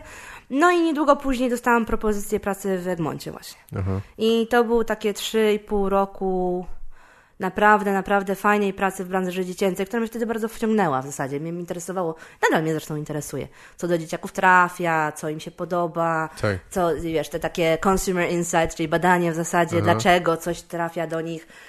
W międzyczasie zaczęłam pisać swoje teksty własne, znowu dziecięce, bo stwierdziłam, że no już nie miałam tej licencji, bo magazyn Hugo został niestety, nie, nie, nie kontynuowali go, Tak. E, ale z, wtedy akurat napisałam swoją książkę dla dzieci i wydałam. E, hmm, takie to. E, Wiesz co? A tak tam przy okazji. Tak, tak, takie tam. Nie, bo e, generalnie było tak, że A znalazłeś sobie wydawcę, czy z własnym sumptem jakoś, tak? sp- we współpracy z bardzo małym wydawnictwem, Aha. żeby właśnie jak najbardziej, że tak powiem, zostawić to u siebie. E, I to było takim trochę. Nie, żebym ja teraz się nie zachachmęciła, jeżeli chodzi o timing. Tak, to było mniej więcej w ten sposób, że y, w momencie, kiedy przeprowadził się do mnie mój ówczesny partner, myśmy adoptowali dwa psy, dwa bulldogi francuskie. Mm, One były odbite z pseudohodowli, to była cała historia wokół nich, generalnie było to dosyć fajna sprawa. Y, I ja zaczęłam je tak obserwować wtedy i tak jakoś wymyślać jakieś dialogi między nimi i odpaliłam y, profil na Facebooku dla nich. Aha. I zaczęłam go prowadzić i zaczęłam właśnie, wiesz, wrzucać zdjęcia i jakiś tam dialog między nimi. Tak. Takie, wiesz, z, z jajem wszystko oczywiście pisane. No i zaczęło się to ludziom podobać. No i to chyba w miarę szybkim czasie około 5 tysięcy fanów żeśmy zebrali, więc naprawdę ładnie.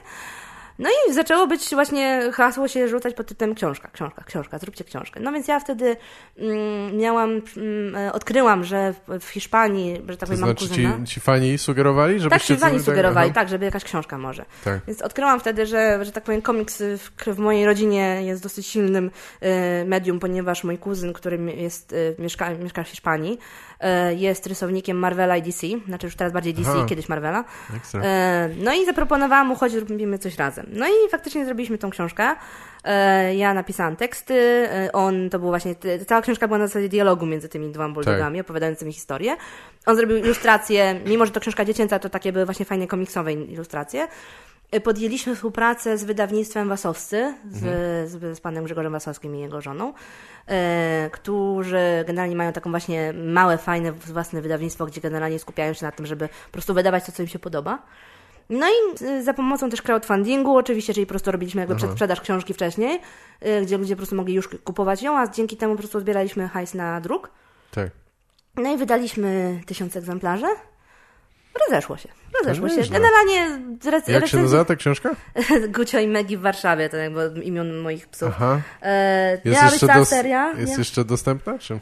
Gdzieś tam jest jeszcze, no ja jeszcze mam w domu, ale y, miała być z tego seria, natomiast po prostu los, ponieważ to było bardzo mocno inspirowane moim życiem prywatnym, nazwijmy to, no bo zarówno właściciele tych psów, no te, te psy to były, to były nasze psy, mm, y, właściciele ich to były jakby takie trochę alter ego, kim my i mój partner chcielibyśmy bardzo być, więc y, gdzieś tam to było mocno, mocno od, odbite nasze życie w tym.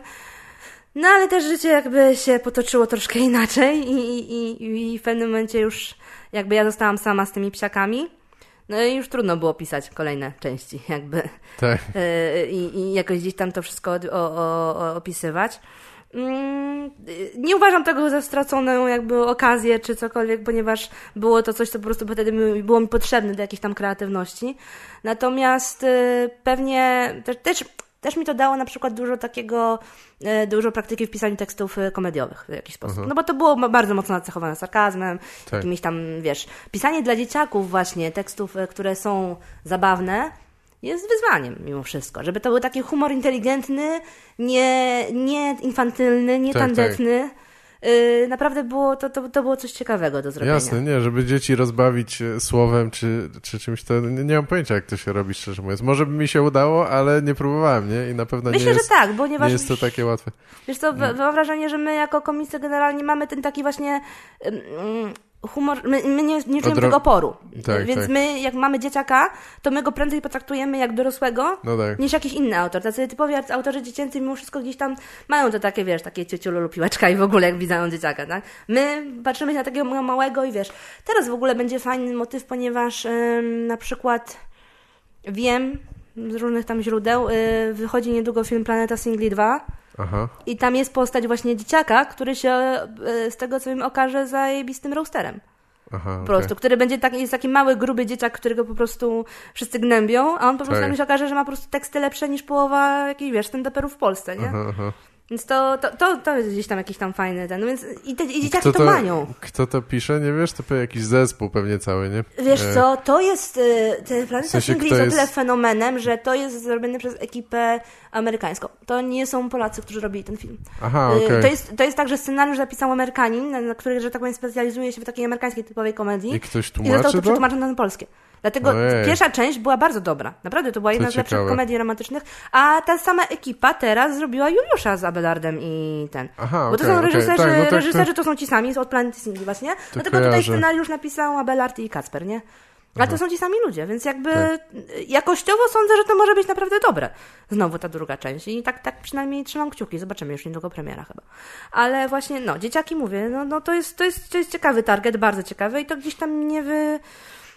Nazwijmy to przygotowało, ponieważ w zasadzie to pisanie dla dzieci, czy ten Gucio i Megi, to była taka... To, tym sobie zajmowałam czas, że tak powiem, po Polsacie. Po tym moim słynnym zabijmy śmiechem. Bo to było tak, To że... był najpierw- twój pierwszy występ, to był mój pierwszy występ. To było stand-up Zabij, Zabij mnie śmiechem w 2000... Coś... Dziesiątym. Dziesiątym, okej. Dziesiąty, No tak, tak. to się zgadza. 2010. 2010 rok to był. My właśnie ja wtedy. To był twój, twój pierwszy występ komediowy, i- znaczy pierwszy stand-up w ogóle. Mój pierwszy tak, stand-up i... to był casting do Zamieni Aha, no tak. To był. To I był... pierwszy raz y, w telewizji też, czy, czy jeszcze, czy już nie? Tak, tak. To wcześniej to jakieś były, wiesz, tematy powiązane ewentualnie z achondroplazją, czy z czymkolwiek, jakieś takie gadanki były, ale nie, to był Ale pierwszy... czyli udzielałeś jakichś wywiadów, czy coś, tak? Wiesz czy... co, y, gdzieś przy okazji jakichś warsztatów, coś, Okej. ktoś zawsze gdzieś tam podpytał, ja już wtedy miałam gadane, ale, ale od Polsatu to się tak naprawdę zaczęło tak na, na poważnie. Tak. To było, to było to. I to właśnie był taki początek wszystkiego, bo to było wtedy e, Polsat, od razu mój związek się wtedy też zaczął, więc jakoś tak to wszystko się... Aha, dużo zmian jakichś, czy Dużo zmian w życiu tak. się wtedy pojawiło. I to też było tak, pamiętam, że y, wtedy wpadłam na Ellen, na Ellen Dege- DeGeneres. Aha. Zaczęłam ją oglądać po prostu namiętnie. Ja zawsze mnie ciągnęło w ogóle w życiu do takich kobiet, które, że tak powiem, były charakterystyczne, które pomimo jakichś albo wad w wyglądzie, albo jakichś innych wad, nazwijmy to orientacja w jej przypadku, że przecież ona też no, taki tomboy zawsze była, nie? Ona była taka bardziej męska niż, niż damska, gdzie gdzieś tam się przebijały, osiągały sukces. Ja po dziś dzień na przykład moim guru diwą jest Barbara Streisand, ponieważ Aha. po prostu. No. Ona jest po prostu idealna pod każdym względem, mimo tego, że jakby ludzie mówili, że jest brzydka czy coś. Ale Aha, no, aha. ona też jakoś tam się odbiła w tej na mojej karierze komediowej, ponieważ ona odtworzyła postać Fanny Bryce, czyli jednej z takich pierwszych w ogóle komediantek, nazwijmy to z lat dwudziestych. To była zabawna dziewczyna, taki musical z, z nią. Aha, okej. To była historia właśnie Fanny Bryce. Prawdziwej jakby postaci, która po prostu w latach dwudziestych. Ale była ekranizacja, czy nie? Tak, Bo- tak. Okej, To nie, no, na jest musicalach kultowy film. Nie, no to, to właśnie jakby w, to, to, był film, tak samo się nazywał jak musical, A, tak okej, powiem. rozumiem, dobra. To właśnie jest chyba z lat 60. jest ekranizacja. A, ale na podstawie prawdziwej postaci właśnie Fanny Bryce, która w latach 20. generalnie była jedną z takich prekursorek Aha, kobiet aha. w komedii. Jeszcze występowała wtedy na takich teatrach amerykańskich. y, Była jedną z y, y, tak zwanych Ziegfeld Follies, czyli takich właśnie kobiet, że tak powiem, z enturażu y, słynnego Ziegfelda, który gdzieś tam Tak. rządził na, na, na scenach tych broadwayowych, nazwijmy to. E, No w każdym razie no to Barbara Streisand, ale wcześniej właśnie od, e, przy okazji wtedy odkryłam Ellen, no i właśnie to mm, obejrzałam te jej dwa specjale Here and Now i nie zawsze wspominam tego tytułu drugiego. Natomiast e, generalnie to były takie, jeden z tych specjali był nagrany zaraz po jej coming outie, jak ona jakby miała ten Aha. swój coming out, ta jej kariera się kompletnie sypnęła. Mm, znaczy sypnęła, no generalnie po prostu wywalili z show biznesu na jakiś czas, bo zrobiła coming out zarówno w serialu, jak i na żywo. Łopry oczywiście, bo gdzie żeby indziej. No tak. Jak już robić coming out, to łopry. E, Nie, ale czekaj, e, rzeczywiście odwrócił się biznes Tak. niej? Ale przecież kontu... e, Bo ona była postacią w serialu, tak? I ten serial... Ona miała swój własny sitcom, to był sitcom No Ellen, właśnie. nie? I, to, I ta jej postać zrobiła coming out, Tak, tak. no i zaraz potem ona, znaczy zrobiła, jednocześnie ona zrobiła coming out. No i, i cancelled. I anulowano serial od razu. Tak? Tak? Tak. Aha. To ja... Okay. Zaraz potem serial został anulowany i długo zajęło, zanim ona wróciła. Rozumiem. E, generalnie, zanim pozwolono jej wrócić, nie? No i ona wtedy zaczęła swój talk show. Mhm. I to jakby był taki comeback. No i wtedy właśnie nagrała ten special, chyba Hero Now się nazywał. No i zaczęła odnosić się do tej historii, do tego wszystkiego. Zaczęła mocno o tym mówić i zaczęłam to oglądać. Myślę sobie, kurczę, to jest fajne medium. To jest fajne medium, jeżeli jesteś w jakiś sposób inny, że w jakiś sposób gdzieś tam się odróżniasz od tej normy, odstajesz. To jakie to jest ciekawe medium, żeby ludzie z tym oswoić. Żeby nie też, że ich oswoić, to jeszcze trochę przedstawić im takie lustro i pokazać im, zobacz, jak wy się idiotycznie zachowujecie. Na zasadzie, zobaczcie, czy, czy, jakie, jakie są wasze reakcje i, i, czy, i czy na pewno powinniście to robić, tak? Bo może jeżeli wy to robicie, sobie nie zdajecie nawet z tego sprawy, ale jeżeli jakby y, y, spojrzycie na to z boku, to sobie zdacie sprawę, że to po pierwsze może robić komuś krzywdę, a po Tak. drugie jest po prostu głupie. Więc to, to, to było dla mnie fantastyczne i wtedy Aha. właśnie Polsat ogłosił casting do Stand Up Zabij mnie śmiechem. No i pomyślałam sobie, kurczę, spróbujmy. Napisałam kilka jakichś tam żartów, jakichś tam właśnie, wiesz, no, no odnoszących się do mojego wzrostu oczywiście, bo wiedziałam, że muszę w to uderzyć, bo tego jeszcze nie było. Mm, poszłam do Harendy z moją mamą, bo akurat to wtedy jeszcze tak było, że myśmy wrócili z wycieczki rodzinnej, byliśmy w Kenii chyba wtedy i wracamy tacy strzaskani w ogóle. Mój, I ja powiedziałam, dobra, słuchajcie, ja jutro idę na casting. Trzaskani, to znaczy... Znaczy, z- zmęczeni, zjarani czy- słońcem, nie? Okej, nie, bo nie byłem pewien, tak czym, no dobra. Nie, nie, nie, no, no, no, na zasadzie taki wiesz, właśnie, wiesz, wrócili Polacy z All Inclusive e, i, ten, i właśnie pamiętam, że poszliłam następnego dnia z moją mamą na casting i w zasadzie to było takie, wiesz, e, mm, widziałam, że dużo ludzi, ludzi tam przyszło na ten casting na zasadzie e, pomyliło im się z maratonem uśmiechu, że będą opowiadać żarty. Że kawały dosłownie. Tak, kawały tak, dosłownie na scenie tak. opowiadali, nie? I tak wszyscy y, y, gdzieś tam właśnie tak... No tak bo oni mniej nie w tym- oglądali Ellen, oni mieli tylko maraton oni nie wiedzieli, co to jest stand-up po prostu, tak, no nie? jasne, tak. E, więc... Ale producenci programu chyba też nie bardzo wiedzieli, ale to jest O, inna sprawa. mm, mhm. To jest... To jest chyba... Oni bardzo dużo nie wiedzieli. Ja w ogóle nie wiem, kto był do końca pomysłodawcą, no ale to jest chyba nieistotne, no nieważne, kon kontynuuj. Ja tylko wiem, kto był reżyserem i kto tam jakiś... To chyba była Estra, Estrada, była warszawska. Aha. To co robiła. E, reżyserem był Konrad Smuga, który teraz robi Rolnik Szukarzony. Między innymi. A, okej, no. Ale e, no, więc pamiętam, że właśnie poszłam na ten casting i było tak, że no miałam to przygotowane i że właśnie Kałamaga siedział wtedy na widowni nawet. E, I pamiętam, że go zaczepiłam, że w pierwszym zdaniu w ogóle go zaczepiłam, nie? I zaczęłam gadać, no i śmiali się, i śmiali się, i była reakcja, i była reakcja, była reakcja. I ja tak zeszłam stamtąd taka przekonana, że okej, chyba dobrze poszło, chyba jest fajnie. No i za chwilę właśnie Mariusz mnie gdzieś tam zgarnął, chodź, chodź, chodź, tutaj pogadamy sobie jeszcze, nie? No i na, zaczął nagrywać ze mną jakieś tam pierwsze setki, nie? I tak myślałam sobie, dobra, no miło, nie? Miło, nagrywamy setki. No i potem, potem w zasadzie już skoń, skończyło się to. Powiedzieli, że oczywiście zadzwonimy, zadzwonimy. No i zadzwonili. No i zadzwonili, a zaraz potem był drugi casting, na którym w zasadzie też w Harendzie. E, Tam już była cała ekipa producencka, łącznie z reżyserem, tam byli wszyscy prowadzący, znaczy obaj prowadzący, czyli i Mariusz i, i Tomek Kamel. E, I to i kazali nam mówić dokładnie to samo, że mów dokładnie tak samo, dokładnie to samo. Się wtedy to wydawało, ale serio mam mówić to samo? Przecież wyście już to słyszeli, nie? No tak. Wtedy mi się zapaliła ta lampka, która teraz już mi się przestała zap- zapalać, no bo zakładam jednak, że nie zawsze są ci sami ludzie, ale gdzieś tam na początku robienia stand-upu to miałam takie, czy ja powinnam naprawdę za każdym razem mówić to samo? Mhm. Ale w ten sposób miała, kurde, tyle materiału, że ja cię służę. Mm, no i właśnie pamiętam, że e, powiedziałam to samo, no i już potem było ogłoszenie, że dobra, no to idziesz do odc- odcinków na żywo. No i się zaczęło. Nie poszłam do tego mojego pierwszego odcinka. W ogóle to był pierwszy, pierwszy odcinek. E, konstrukcja tego programu była dosyć ciekawa, no bo w zasadzie nas tam było chyba sześć osób. Mm, Byłam wtedy no, z Kacperem Lucińskim w odcinku, który był faworytem zdecydowanym. Tak. Bo To był jedyny człowiek, który robił faktycznie stand-up. Mhm. E, Plus była Ela Wycech. Aha. Ona wtedy też robiła stand-up, ale jakoś tak, nie wiem, przepadła potem zaraz. No tak, kojarzę ją. E, Plus jeszcze było parę innych jakichś dziwnych postaci.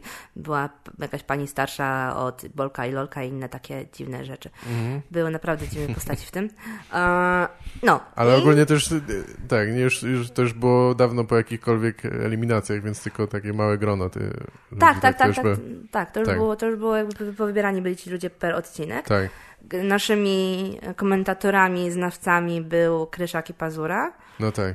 Zawsze gdzieś tam jakiś E. kabaret też robił za gwiazdę po drodze. U mnie to było Anim Rumru chyba w moim odcinku. Mhm. Gdzie to było nagrywane? W W Teatrze Żydowskim. Aha, W okej, Teatrze Żydowskim to było nagrywane. rozumiem. Przed... No. I nagle się okazało, hej, wygrałam odcinek. Z tego co wiem, że tak powiem, co słyszałam, to wszyscy byli zaskoczeni, łącznie z produkcją.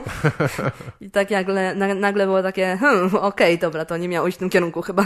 Tak? Znaczy wiesz, To nie było, za, nie było ustalone wcześniej? Y, znaczy no wiesz, no widzowie głosowali, no więc... Aha, widzowie głosowali. No Widzowie tak, głosowali. przepraszam, przepraszam. Ja zap- zapomniałem, już nie, nie, nie, pamiętam nie, to formuły. widzowie głosowali, więc Tak, to tak. absolutnie nie było ustawione. Okej, no okej. właśnie, sądzę, że gdyby było ustawione, to to nie toczyłoby się w ten sposób. Tak, tak. Zdecydowanie. Nie, wiesz, no w kolejnych odcinkach były naprawdę osoby, które teraz, że tak powiem, no była Bellard, była Kaśka Piasecka. Mhm. Naprawdę było sporo osób takich, wiesz, które, że tak powiem, no wydawałoby się, że powinny były przechodzić, ale nie przechodziły. Mhm. Do półfinału tak naprawdę do, dostali się naprawdę ludzie... Um, czekaj, kto tam był? Była Mia, był Reszela, była Anka Pituła, była Aldona Jankowska i był Kępa. Mhm. Więc wiesz, naprawdę żeśmy, że tak powiem, się była mieszanka wybuchowa. No już nie przeszłam do finału.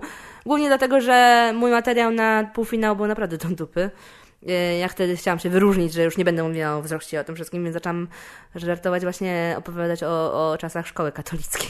Aha, I to nie był. Ja chciałam być taka ostra, nie? E, I to nie był dobry pomysł. To nie był Tak. bardzo, to był bardzo zły pomysł. chciałeś być kontrowersyjna, Chciałam tak? być kontrowersyjna, tak, Aha. to był bardzo zły pomysł. E, więc odpadłam. No to też to nie był pewnie sprawdzony materiał, nie? Dokładnie, Tak, no, to- wtedy nie było żadnych open mic'ów, wtedy, No. znaczy, może były, ale nie wiedziałam, że są. Tak, Ja no wtedy, jakieś wiesz, może prostu, były, ale... No, pisałam po prostu na bieżąco, to, to mi gdzieś tam do głowy przyszło. Jeszcze mieliśmy warsztaty wtedy z Jerzym Bończakiem, żeby tak, wiesz, aktorsko to ładnie przedstawiać i wszystko. Więc to było, wiesz... Fatalny pomysł, ale okej, no. no. W Znaczy nie, na- bardzo, y, po pierwsze, Nie, nie, na nie większości komików myślę, że kiepski, no ale oczywiście, pe- można jakieś rzeczy nauczyć zawsze. Było to przyjemne. Trochę, Pan Jerzy czy... się okazał bardzo ciekawym człowiekiem i bardzo miło go było poznać i z nim popracować i parę mi dał fajnych jakby jakichś tam wskazówek, ale Tak, tak. y, no, wtedy to było, wiesz, to, to, to po prostu myśmy naprawdę mieli dobrze wyglądać na tej scenie. Mhm. No i się skończyło i tak naprawdę, wiesz, ym, ja nie, zupełnie nie wiedziałam, co ja mam robić wtedy. Ja nie, nie wiedziałam, jak w to iść, czy, czy co, gdzie iść. Wiesz, nie, ten, jakiś tam czas jeszcze po, po odcinku, nie wiem, parę telefonów było, a to jakaś wielka orkiestra, a to coś, żeby zrobić, powygłupiać się. Ale ja nie miałam, ani nie miałam jakiejś, nie wiem, weny do pisania materiału. Nie za bardzo wiedziałam, co tutaj. Tak. Open mic'ów nie było wtedy jeszcze tako, jako tako sze, szeroko znanych. Więc w zasadzie Już chyba to się- wtedy, już chyba były jakieś takie początki stand-up Polska, ale, znaczy na pewno były, natomiast nie wiem, czy były, czy nie pamiętam, czy były wtedy open mic'i, czy nie, no bo ja w 2010 pierwszy raz występowałem w Warszawie i, i też mnie nikt wtedy nie znał, E, ale, ale to moja siostra tam trochę była, wiesz, połączona z tym, więc, więc powiedzmy, że po, po znajomości wtedy wszedłem. Ale no masz rację, zastanawiam się. No tak, to pewnie były jeszcze takie rzeczy, które, że tam ktoś występowali chłopaki w takich miejscach zupełnie nieprzystosowanych. Dokładnie, jeszcze tam- Facebook nie był tak rozwinięty, więc nie dało rady promować tych No tak, wydarzeń, tak, więc nie wiadomo było gdzie nie. chodzić, co robić, nie? Więc to wszystko tak jakby troszkę się, troszkę, troszkę rozmyło, plus właśnie jeszcze moja tam sytuacja prywatna była taka, że no mój e, e, partner nie za bardzo jakby się czuł dobrze w tym całym zamieszaniu wokół mnie. Aha. Więc ja sobie wtedy pomyślałam, no kurde, no, mam wybór, tak? Albo, e, że tak powiem, sobie żyć spokojnie w domu z, z, z chłopakiem, z jakąś tam perspektywą zawodową, nazwijmy to, albo rzucić się w coś, czego tak naprawdę nie znam, nie wiem, co to jest, o co chodzi. No więc wybrałam, że tak powiem, bezpieczne rozwiązanie. No i wtedy właśnie się zaczęła ta moja przygoda z przekami, to pisanie dla dzieciaków, to wszystko jakby się działo przez kolejne pięć lat. No i potem przyszedł ten taki, y, gdzieś pod, po sam koniec, po tych pięciu latach, mm, odezwała się do mnie dziewczyna, która pisała artykuł do chyba dużego formatu. Y, O właśnie A, charakterystycznych przepraszam. No. a w międzyczasie y, zgłębiałeś dalej temat jeszcze? Oglądałeś jakiś stand-up Oglądałam, coś? oglądałam, czy... oglądałam bardzo dużo stand-upów, oglądałam specjale, bardzo mnie to interesowało i nadal jakby chciałam, że tak powiem, się tym interesować jako samym zjawiskiem popkulturalnym. Mhm. Więc jakby widziałam rozwój tego wszystkiego, oglądałam kolejnych komików, y, jakby obserwowałam, gdzie, gdzie jakim kierunku to idzie. Ale nie, nie myślałeś o nie- tym, nie myślałam, nie- nie występować, myślałam o- bo, nie. bo nie miałeś, wydawało ci się, że nie ma gdzie, tak? Czy... Nie, wydawało mi się, że nie, nie ma gdzie, nie mia... wiesz, też miałam takie trochę nie wiem, żal, że wiesz, że tele, telewizja się temu interesuje, dopóki jest program, tak? No tak, Potem oczywiście. już nic, więc tak nie wiedziałam, gdzie wrócić, co wrócić, co chodzić. Może ja wcale nie jestem taka dobra, w ogóle nie jestem dobra, wiesz. To, to, taki, to był taki falstart. To był po prostu taki falstart, który Tak. bardzo szybko się wypalił, powiedzmy, że. E, no ale mówię, też byłam zaangażowana w 150 innych rzeczy, więc po prostu nie, nie, Jasne, nie miałam na to tak, czasu tak. za bardzo. Zgłosiła się do mnie wtedy jakaś dziewczyna z dużego formatu, która zrobiła wywiad, który był bardzo złym wywiadem, która zrobiła, napisała artykuł o komikach, napisała o, e, powiedziała tak, powiedziała mnie, Leje, Lotka, Tam był Adamczyk chyba, Maciek? Adamczyk, Czy- tak, tak, tak, ja, ja Leja, Lotek, Adamczyk i ktoś, i Jasiek Borkowski. Aha. I to miał być artykuł na temat charakterystycznych komików, nie? Ona Mhm. gdzieś mnie wyciągnęła tak naprawdę, ja, ja, wiesz, ja wśród takich naprawdę już chłopaków, którzy robili to, ten, a ona nadal jakby bazowała na tym, co widziała w Polsacie. No tak. Mnie, ale no trochę, no, generalnie zrobiła nas, z nas taką bandę ofiar straszną. Pamiętam, że po tym artykule myśmy byli strasznie wkurwieni na nią, ponieważ w ogóle sama autoryzacja to była taka, że ona przysłała nam ten artykuł, po czym napisała za 15 minut muszę go wysłać do druku. Aha, no tak, tak. Wcisnęła nam słowa, których żeśmy nie wypowiadali yy, i generalnie no było to niefajne bardzo. No i ona wtedy zaczęła, ona wtedy mi powiedziała, że jest coś takiego jak bękarty stand-upu. To, to było straszne, ponieważ ona mi powiedziała, że oni szukają kogoś. Ja napisałam wtedy, poszłam na występ chłopaków i ja napisałam do nich, że oj, ja bardzo chętnie do was dołączę. Aha. Jeżu kolczasty, że, że jakby oni byli wtedy na tyle uprzejmi, że po prostu się uśmiechnęli tylko i powie... Na tym był koniec.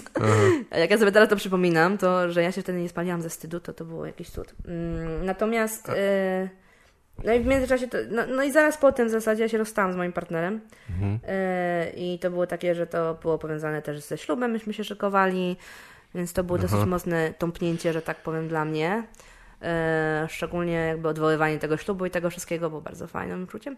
Ja zostałam nagle sama e, z dwójką psów, z, z nazwijmy to stałą pracą, która wymagała ode mnie jakiegoś tam zaangażowania czasowego, więc ja nie mogłam, nag- nagle musiałam kompletnie zmienić swój jakby mm, mm, mm, dzień, no bo musiałam wcześniej wstawać, wychodzić z psami, szybciej wracać, wychodzić z psami. Nie mogłam wyjeżdżać, bo psy, nie mogłam, Tak, zawsze nas tak. było dwójka, to myśmy się tym dzielili, nie, a tak nagle, bo sam jestem sama. No i plus ogólnie takie, wiesz, no, no psychiczne trochę jakby No wiadomo, uderzenie, bo to jednak dosyć mocno było. I pamiętam, że właśnie w Lidl... Mówisz, że jeden dzień nie wystarczył, żeby się pozbierać, tak? Nie, to było parę miesięcy. To, Nie no, to było się. jakby takie, to było takie rasowe załamanie nerwowe, Na bo tam takim- dużo rzeczy się działo Tak. w tym rozstaniu i to nie było ładne rozstanie zdecydowanie, więc Mm. trochę się to sypnęło. I właśnie pamiętam, że w listopadzie gdzieś tam, że tak powiem, gdy leżałam na tej podłodze wyjąc z bólu e, i cierpienia, zadzwonił do mnie, czy zadzwonił, czy do mnie napisał e, Mariusz Kałamaga właśnie, Aha. Że prowadził Antrakt wtedy, festiwal. I czy ja bym nie chciała być jego asystentką, powygłupiać się na scenie. Tak. Ty, Za, za, czemu nie? zapamiętał cię, No, tak? zapamiętam, tak, on- ten, o- obaj zresztą, i Mariusz, i Tomek Kamel, oni byli przesympatycznymi, są przesympatycznymi ludźmi i, i obo, o, obu, że tak powiem, dużo zawdzięczam, bo no, Ma- Mario zawdzięczam to, że tak naprawdę mnie wyciągnął wtedy, Mhm. bo on do mnie zadzwonił, właśnie poszłam, poszłam na ten antrakt, zobaczyłam to, byłam na tej scenie przez tą chwilę, powygłupiałam się z nim i stwierdziłam, kurde, to jest fajne, przypominam sobie, jak to jest.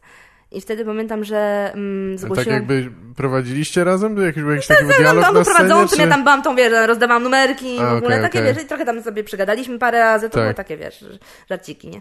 E, natomiast ja sobie przypomniałam to wtedy, to było przeurocze i, i poszłam na open mic'a swojego pierwszego w LOLku. Pamiętam, Aha. że gwiazdą był wtedy Pacześ, e, chyba support też robił Karol Mozelewski, mi się wydaje. I to był mój pierwszy open mic. I trochę nowego materiału napisałam, trochę oczywiście tam tych starych materiałów jeszcze wykorzystałam z Portesatu, plus to jakby rozwinęłam ładnie. Tak. No i zaczęłam wchodzić. No i stwierdziłam, kurczę, to jest dobre. I wtedy Mariusz mi zaproponował, żebym To był przyjechała... jakiś 2012, dobrze? Trzy lata temu to by tak było mniej więcej. Aha, no nie, to 2015, tak? Tak, 2015 to będzie. No.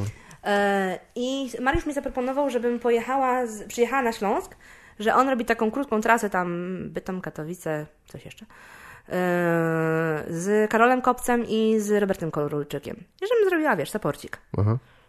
No i wtedy to już w ogóle mi się przypomniało, jakie to jest fajne. To mi się wtedy bardzo przypomniało, jakie to jest fajne. I e, naprawdę, a że wchodziło to i jakby też chłopaki mi dali tam parę wiesz, wskazówek, jak pisać nowy materiał, no to wzięłam się do normalnej roboty. Zaczęłam normalnie pisać ten materiał, zaczęłam chodzić na te open mic'i, latać, gdzie się tylko dało. E, na tyle, na ile oczywiście też normalna praca mi pozwalała. I z, z, czasem, że tak powiem, zaczęło być tego materiału coraz więcej, coraz więcej, coraz więcej. I zaczęłam robić coraz dłuższe kawałki, a to już 20 minut, a to już coś. No i zaczęło się cały program w sumie. Pierwszy Aha. mój program, y, który jakby pier chyba pierwszy raz go zagrałam w Szczecinie rodzinnym właśnie moim. Tak? Wiking mnie wtedy ściągnął. Y, na, na, w grudniu to było, no to będzie dwa lata temu w takim razie. Y, no i to był taki pierwszy, że zrobiłam 45 minut właśnie w moim rodzinnym mieście. Rodzice byli na widowni. To Pierwszy ostatni raz. No. Tak, tak. W sumie nie, to nie był ostatni raz, bo jeszcze potem przyjechali na... Bo ty sobie nie życzysz, czy im się nie podobało? e, nie, nie, ja nie, miałem z tym problemu Aha. jakby. E, pamiętam, że po pierwszym występie właśnie w tym w Szczecinie, jak przyszli, e, to, to, było, to było przezabawne. Moja mama wie, co ja robię, wie, jak ja mówię. E, ma pewien opór, jeżeli faktycznie idę w takie tematy bardzo mocno, mm, nazwijmy to, nasycone e, dwuznacznościami, to już to, to, tu, tu jest jej granica. No tak. Wszystko inne jest spoko, ale jak już naprawdę zaczynam przeginać, jeżeli chodzi o pewne tematy, które po prostu ona nie chce sobie wyobrażać, no, no tak. no to tu już jest jakby ten. Dla mojego taty to ta granica chyba jest trochę wcześniej. Aha. jakby e, mój ojciec po prostu przyszedł na ten występ, obejrzał go, zaakceptował i na tym był koniec dyskusji. E, ale jeszcze parę miesięcy później e, Iza Kała organizuje fantastyczny stand-upowy Dzień Kobiet w Krakowie Aha. i właśnie mnie zaprosiła na jeden z nich, na jedną z edycji.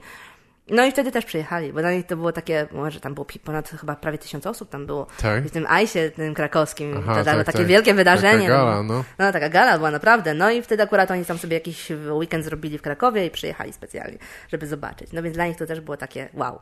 I, tak. i to był drugi raz i to był ten. Jak ostatnio grałam w Szczecinie, to tylko mama przyszła już. Dziwnie się występuje dla rodziców. E, nie, ja może... ich posadziłam gdzieś tam daleko. Ja powiem, tak. bo Wiking chciał być zabawny i chciał ich posadzić w pierwszym rzędzie. Nie. Tak, tak. Nie, no pamiętam, że miałem jakiś taki występ, gdzie, gdzie widziałem moją mamę tam może w drugim czy trzecim rzędzie.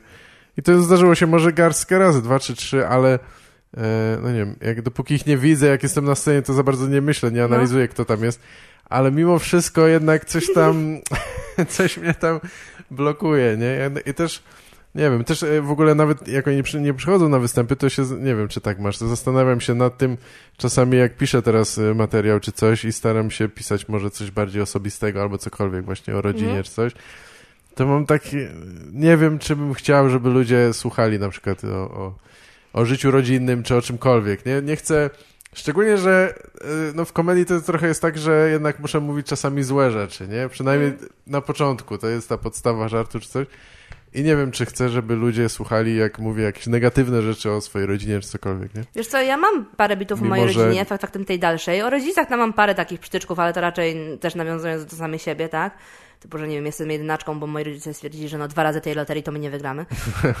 okay. Tego typu rzeczy, więc to są tak. bardziej w ten sposób nawiązania. Nie mam takich bezpośrednich o nich żartów. Mhm. E, też w pewien sposób, ponieważ no jakby ja sobie zdaję sprawę, że w tej chwili tak naprawdę ktokolwiek jest gdzieś tam blisko mnie, mm, czy jest to moja najbliższa rodzina, czy są to moi przyjaciele, no to w jakiś sposób ja ich odsłaniam, tak? E, e, w jakiś sposób gdzieś tam są narażeni na to, że co ja nie powiem, to tak. mogą być przez to kojarzeni, tak? E, I tak naprawdę ja się śmieję, że jeżeli ja mówię o jakimś stand-upie, to znaczy, że albo kogoś bardzo mocno nienawidzę, a, albo kogoś uwielbiam i po prostu to jest jakaś forma nobilitacji, nie? Aha. Nawet jeżeli żartuję z tego kogoś. Jakby to, to, to, to w ten sposób działa, natomiast wiesz, też e, jakby e, szczególnie z moim tatą jest tak, że ja sobie zdaję sprawę z tego, że mm, ja mam podejście do swojej inności takie, jakie mam. E, I to jest moje podejście i ja nie mogę go nikomu narzucać. No I tak. ja sobie zdaję sprawę z tego, że i ja opowiadając pewne żarty i w pewien sposób zwracając uwagę na pewne absurdy mm, mm związane z moim życiem, odsłaniam osoby, które z tym samym się jakby y, y, borykają, tak? Tak. I e, zdaję sobie sprawę, że na przykład e, jeżeli ktoś taki przychodzi na mój występ, to wychodząc z niego, ludzie na przykład z publiki mogą na niego patrzeć na zasadzie, że wiesz, że słyszeli dopiero co żart na ten temat i mogą w ten sam sposób reagować. No tak. Więc tu w jakiś sposób czuję opór lekki, ale z drugiej strony, no nie mogę, nie, mo nie mogę się, że tak powiem, wchodzić jak dalej, nie mogę omijać tego, tak? Oczywiście, no bo to by no. było nienaturalne w tym momencie. Tak. To by się jakby nie składało zupełnie. Więc mi się wydaje, że no, mówię, dopóki e, nie, nie robię czegoś celowo, co by naprawdę mogło, nie wiem, komuś zrobić krzywdę, a staram się tak nie robić, przynajmniej, e, no to, no to jest to jakoś tak w miarę ogarnięte. Nie mam problemów, mówię, żeby żartować z moich rodziców, e, tylko muszą to być takie żarty, które wiem, że na pewno, jeżeli gdzieś potem ktoś je usłyszy, nie wiem, z ich współpracowników, czy ktokolwiek, kto tam z nimi gdzieś tam działa, to żeby potem tego nie wykorzystał. No właśnie, albo nawet, żeby, nawet jak ktoś może powiedzmy też yy, przyjmuje, że to są żarty czy coś, to i tak myślę, że ludzie zbyt poważnie traktują niektóre rzeczy. No to tak. Traktują jako dosłowne albo, albo że to wszystko są fakty, nawet jeśli są zmyślone, a wiem, że często ludzie zmyślają rzeczy, wi wiadomo. No. Nie, akurat więc... co do rodziny to ja mało rzeczy zmyślam i może dlatego... Bo nie trzeba, co nie? Tak. nie trzeba, dokładnie, tak, ale ten, ale wiesz co, to też jest trochę tak, że ja dużo rzeczy takich w życiu robiłam, powiedzmy to trochę nazwijmy to, no, no może nie, nie, tyle kontrowersyjnych, ale takich no, na skraju. E, I na przykład śmiałam się kiedyś, ponieważ e, zagrałam w teledysku Wienia, jednego z liderów Molesty Evenement swego czasu. Tak. Gdzie, że tak No co, powiem, ty w jakim teledysku? Terapia zbiorowa. Aha. To, to nie, jeden z jego nowszych kawałków był. Nie kojarzę. Generalnie teledysk, w teledysku moja stylizacja jest dosyć jakby ciekawa, ponieważ jestem, ja, potencjalnie jestem psycho, psychiczną panią, jakąś tam naukowiec z laboratorium, aha, która aha. robi trepanację czaszki wieniowi. Okej. Okay. No i jestem w gorsecie. Jestem w gorsecie, który jest bardzo osłaniającym. Tak.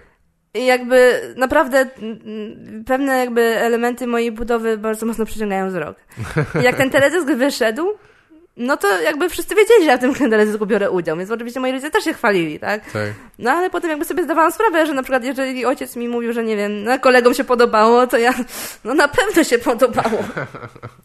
jakby też, wiesz, no y, zdaję sobie sprawę, że oni muszą, oni muszą dorosnąć do pewnych rzeczy, no bo jeżeli ja, nie no wiem, tak. idę do TVN-u i mówię na głos, że w małej dłoni wszystko wydaje się większe, no bo no to też dla nich jest jakieś takie, uh-huh. no nasza mała córeczka. no tak, właśnie, no trzeba mówić o rzeczach dorosłych, czasami mrocznych, czy jakichś innych i, i, i niekoniecznie każdy wokół ciebie musi to akceptować, no. E, no właściwie już chyba na to odpowiedziałaś, ale też tak się zastanawiałem, jak, jak się czujesz z tym, że, że żartujesz z siebie, czy ze swojego wyglądu, czy cokolwiek, z tego, jak jesteś odbierana, czy, czy zastanawiasz się często nad tym właśnie, że ile w tym jest pozytywnego, a ile ewentualnej szkody, bo zawsze jest takie, wiesz, no ludzie, którzy chcą kontrolować język i tak dalej, to zawsze mówią, że z pewnych rzeczy nie można żartować, czy, czy z tych ludzi nie możemy żartować, bo na przykład oni są w, w pozycji powiedzmy słabszej, mniej uprzywilejowanej czy coś takiego, że zezwalając na to, to robisz jakąś, wyrządzasz jakąś społeczną krzywdę, bo na przykład, wiesz, inni myślą, że to jest okej, okay, albo że mm, jakieś okrucieństwo w, nawet w formie żartu jest w porządku, czy coś takiego. Myślę, że wydaje... Wiem, o czym ty Zwykle mówisz. jest taka jest retoryka, jeśli mówi się, że o, z czegoś nie można, czy z kogoś nie można żartować, tak? Mm Y, Wiem o czym mówisz, ponieważ nawet teraz mam tą dyskusję y, a propos jakby budowania materiału y, na kolejne tam moje występy telewizyjne. Mam Generalnie mam takie doświadczenie i z tego zrobiłam bit a propos właśnie re reakcji innych ludzi niskorosłych na mnie. Tak. Nie będę go teraz opowiadała, jakby żeby się nie wyciekło, ale no generalnie jest to bit, który im ciśnie. Dosłownie im ciśnie. I głównie wiąże się to z tym, że po prostu no, ich reakcja na Polsat była bardzo negatywna na początku. Y, później jakoś tak próbowali się podpiąć pod mój fame i żebym tam, ponieważ to było takie stowarzyszenie i bardzo chcieli, żebym na nich nakierowywała jakby zainteresowanie. Tak? No. Chcieli, żebyś ich tak. wymieniała w Tak, tak, znaczy, że, że to, to, to, to było tak. Najpierw y, na, na forum się, że tak powiem, na mnie wyżyli, a potem napisali do mnie, y, czy bym mogła u siebie na Facebooku oznaczyć, że ja jestem jakby częścią tego stowarzyszenia, Aha. bo jak wtedy inni ludzie niskoroscy, czyli z Polski, którzy y, nie znają ich, zobaczą mój profil, to od razu będą może chcieli do nich dołączyć. Tak. No ja wtedy jakby zasugerowałam, że no nie. jakby ja nie chcę do was dołączyć, więc tym bardziej nie będę nikogo tam pchała do was. No Aha. wybaczcie jakby. No to, to było te parę mm, x lat temu, więc jakby nie wiem, jak się ich podejście teraz zmieniło do tego tematu, nie wiem. Natomiast mam z tego fajny beat i jestem z niego zadowolona i myślałam o tym, żeby go powiedzieć. Ale faktycznie gdzieś tam usłyszałam głosy, że no ale w ten sposób jakby da, dasz innym to przyzwolenie, że można z nich żartować. Nie? Tak, tak. Ale z drugiej strony naprawdę mnie wtedy wkurzyli, no. Gdzieś, wiesz, y, y, pytanie, czy właśnie, czy... Yy Znaczy dla mnie, jak, jeśli, y, bo nie znam treści żartów, jest ciężko o tym gadać, nie? Ale jak żartujesz ze stowarzyszenia, czy z jakiejś grupy ludzi, którzy mają takie a inne jakieś pretensje, to dla mnie jest zupełnie co innego niż z grupy ludzi ogólnie, nie? Czy No, jakichkolwiek, no, no, no, no. czy rozróżniając czymkolwiek, etnicznością, no, no. czy czymś, nie? Ale jest, Więc wiesz, no, Ale też to jest tak dla mnie pytanie zawsze, na ile ty musisz być odpowiedzialny za, odpowiedzialna za odbiorcę, prawda? Bo, bo nie wiem, ja miałem kiedyś żart o tym, że tam y, czarni strzelają do nieuzbrojonych, policjanci strzelają do nieuzbrojonych e, czarnych ludzi w Stanach i, i, i ludzie się z tego śmiali nawet bardziej niż się spodziewałem e, w Polsce, ale takie miałem trochę mieszane uczucia zawsze, jak to opowiadałem, nie? To, że bo jesteś biały. tak, no przede wszystkim, ale y, też wszyscy, wiesz, cała widownia jest zazwyczaj biała i y, i ja nie wiem w jakim A wiesz, duchu... bia, bia, biała widownia chodzi na występy czarnych komików i akceptuje, jak czarni komicy żartują właśnie z tych tematów, nie? Rasistowskich. Jeżeli biała A. widownia idzie na występ białego komika, to biały komik nie może żartować. No tak, no, no wiesz, ale wiesz, też tak jest, tak? Ja mogę żartować z niepełnosprawności. Ktoś Tak, inny? tak. Nope. no właśnie, tak, o to mi chodzi i też jakby, no wiesz, ja tego nie, dla mnie to nie był y, w żaden sposób y, złośliwy żart, ale nie wiem w jakim duchu ludzie się śmieją z tego, nie? Dla mnie to była y, obserwacja i bardziej śmiałem się z policji, jeśli Mhm. już z kogoś, nie? Ale, y, no więc jakby... Wiesz, to też jest takie, e, ja na przykład mam, opowiadam o moich występach podczas Kongresu Kobiet, tak? Dwa razy wystąpiłam na Kongresie Kobiet. E, Za każdym razem było to w ramach centrum, bo tam są różne jakieś takie centra tematyczne i moje centrum to było właśnie wokół niepełnosprawności. E, się nazywało Chcemy całego życia. No i tam faktycznie pełen, pełen przekrój, że tak powiem, różnego rodzaju przypadków był.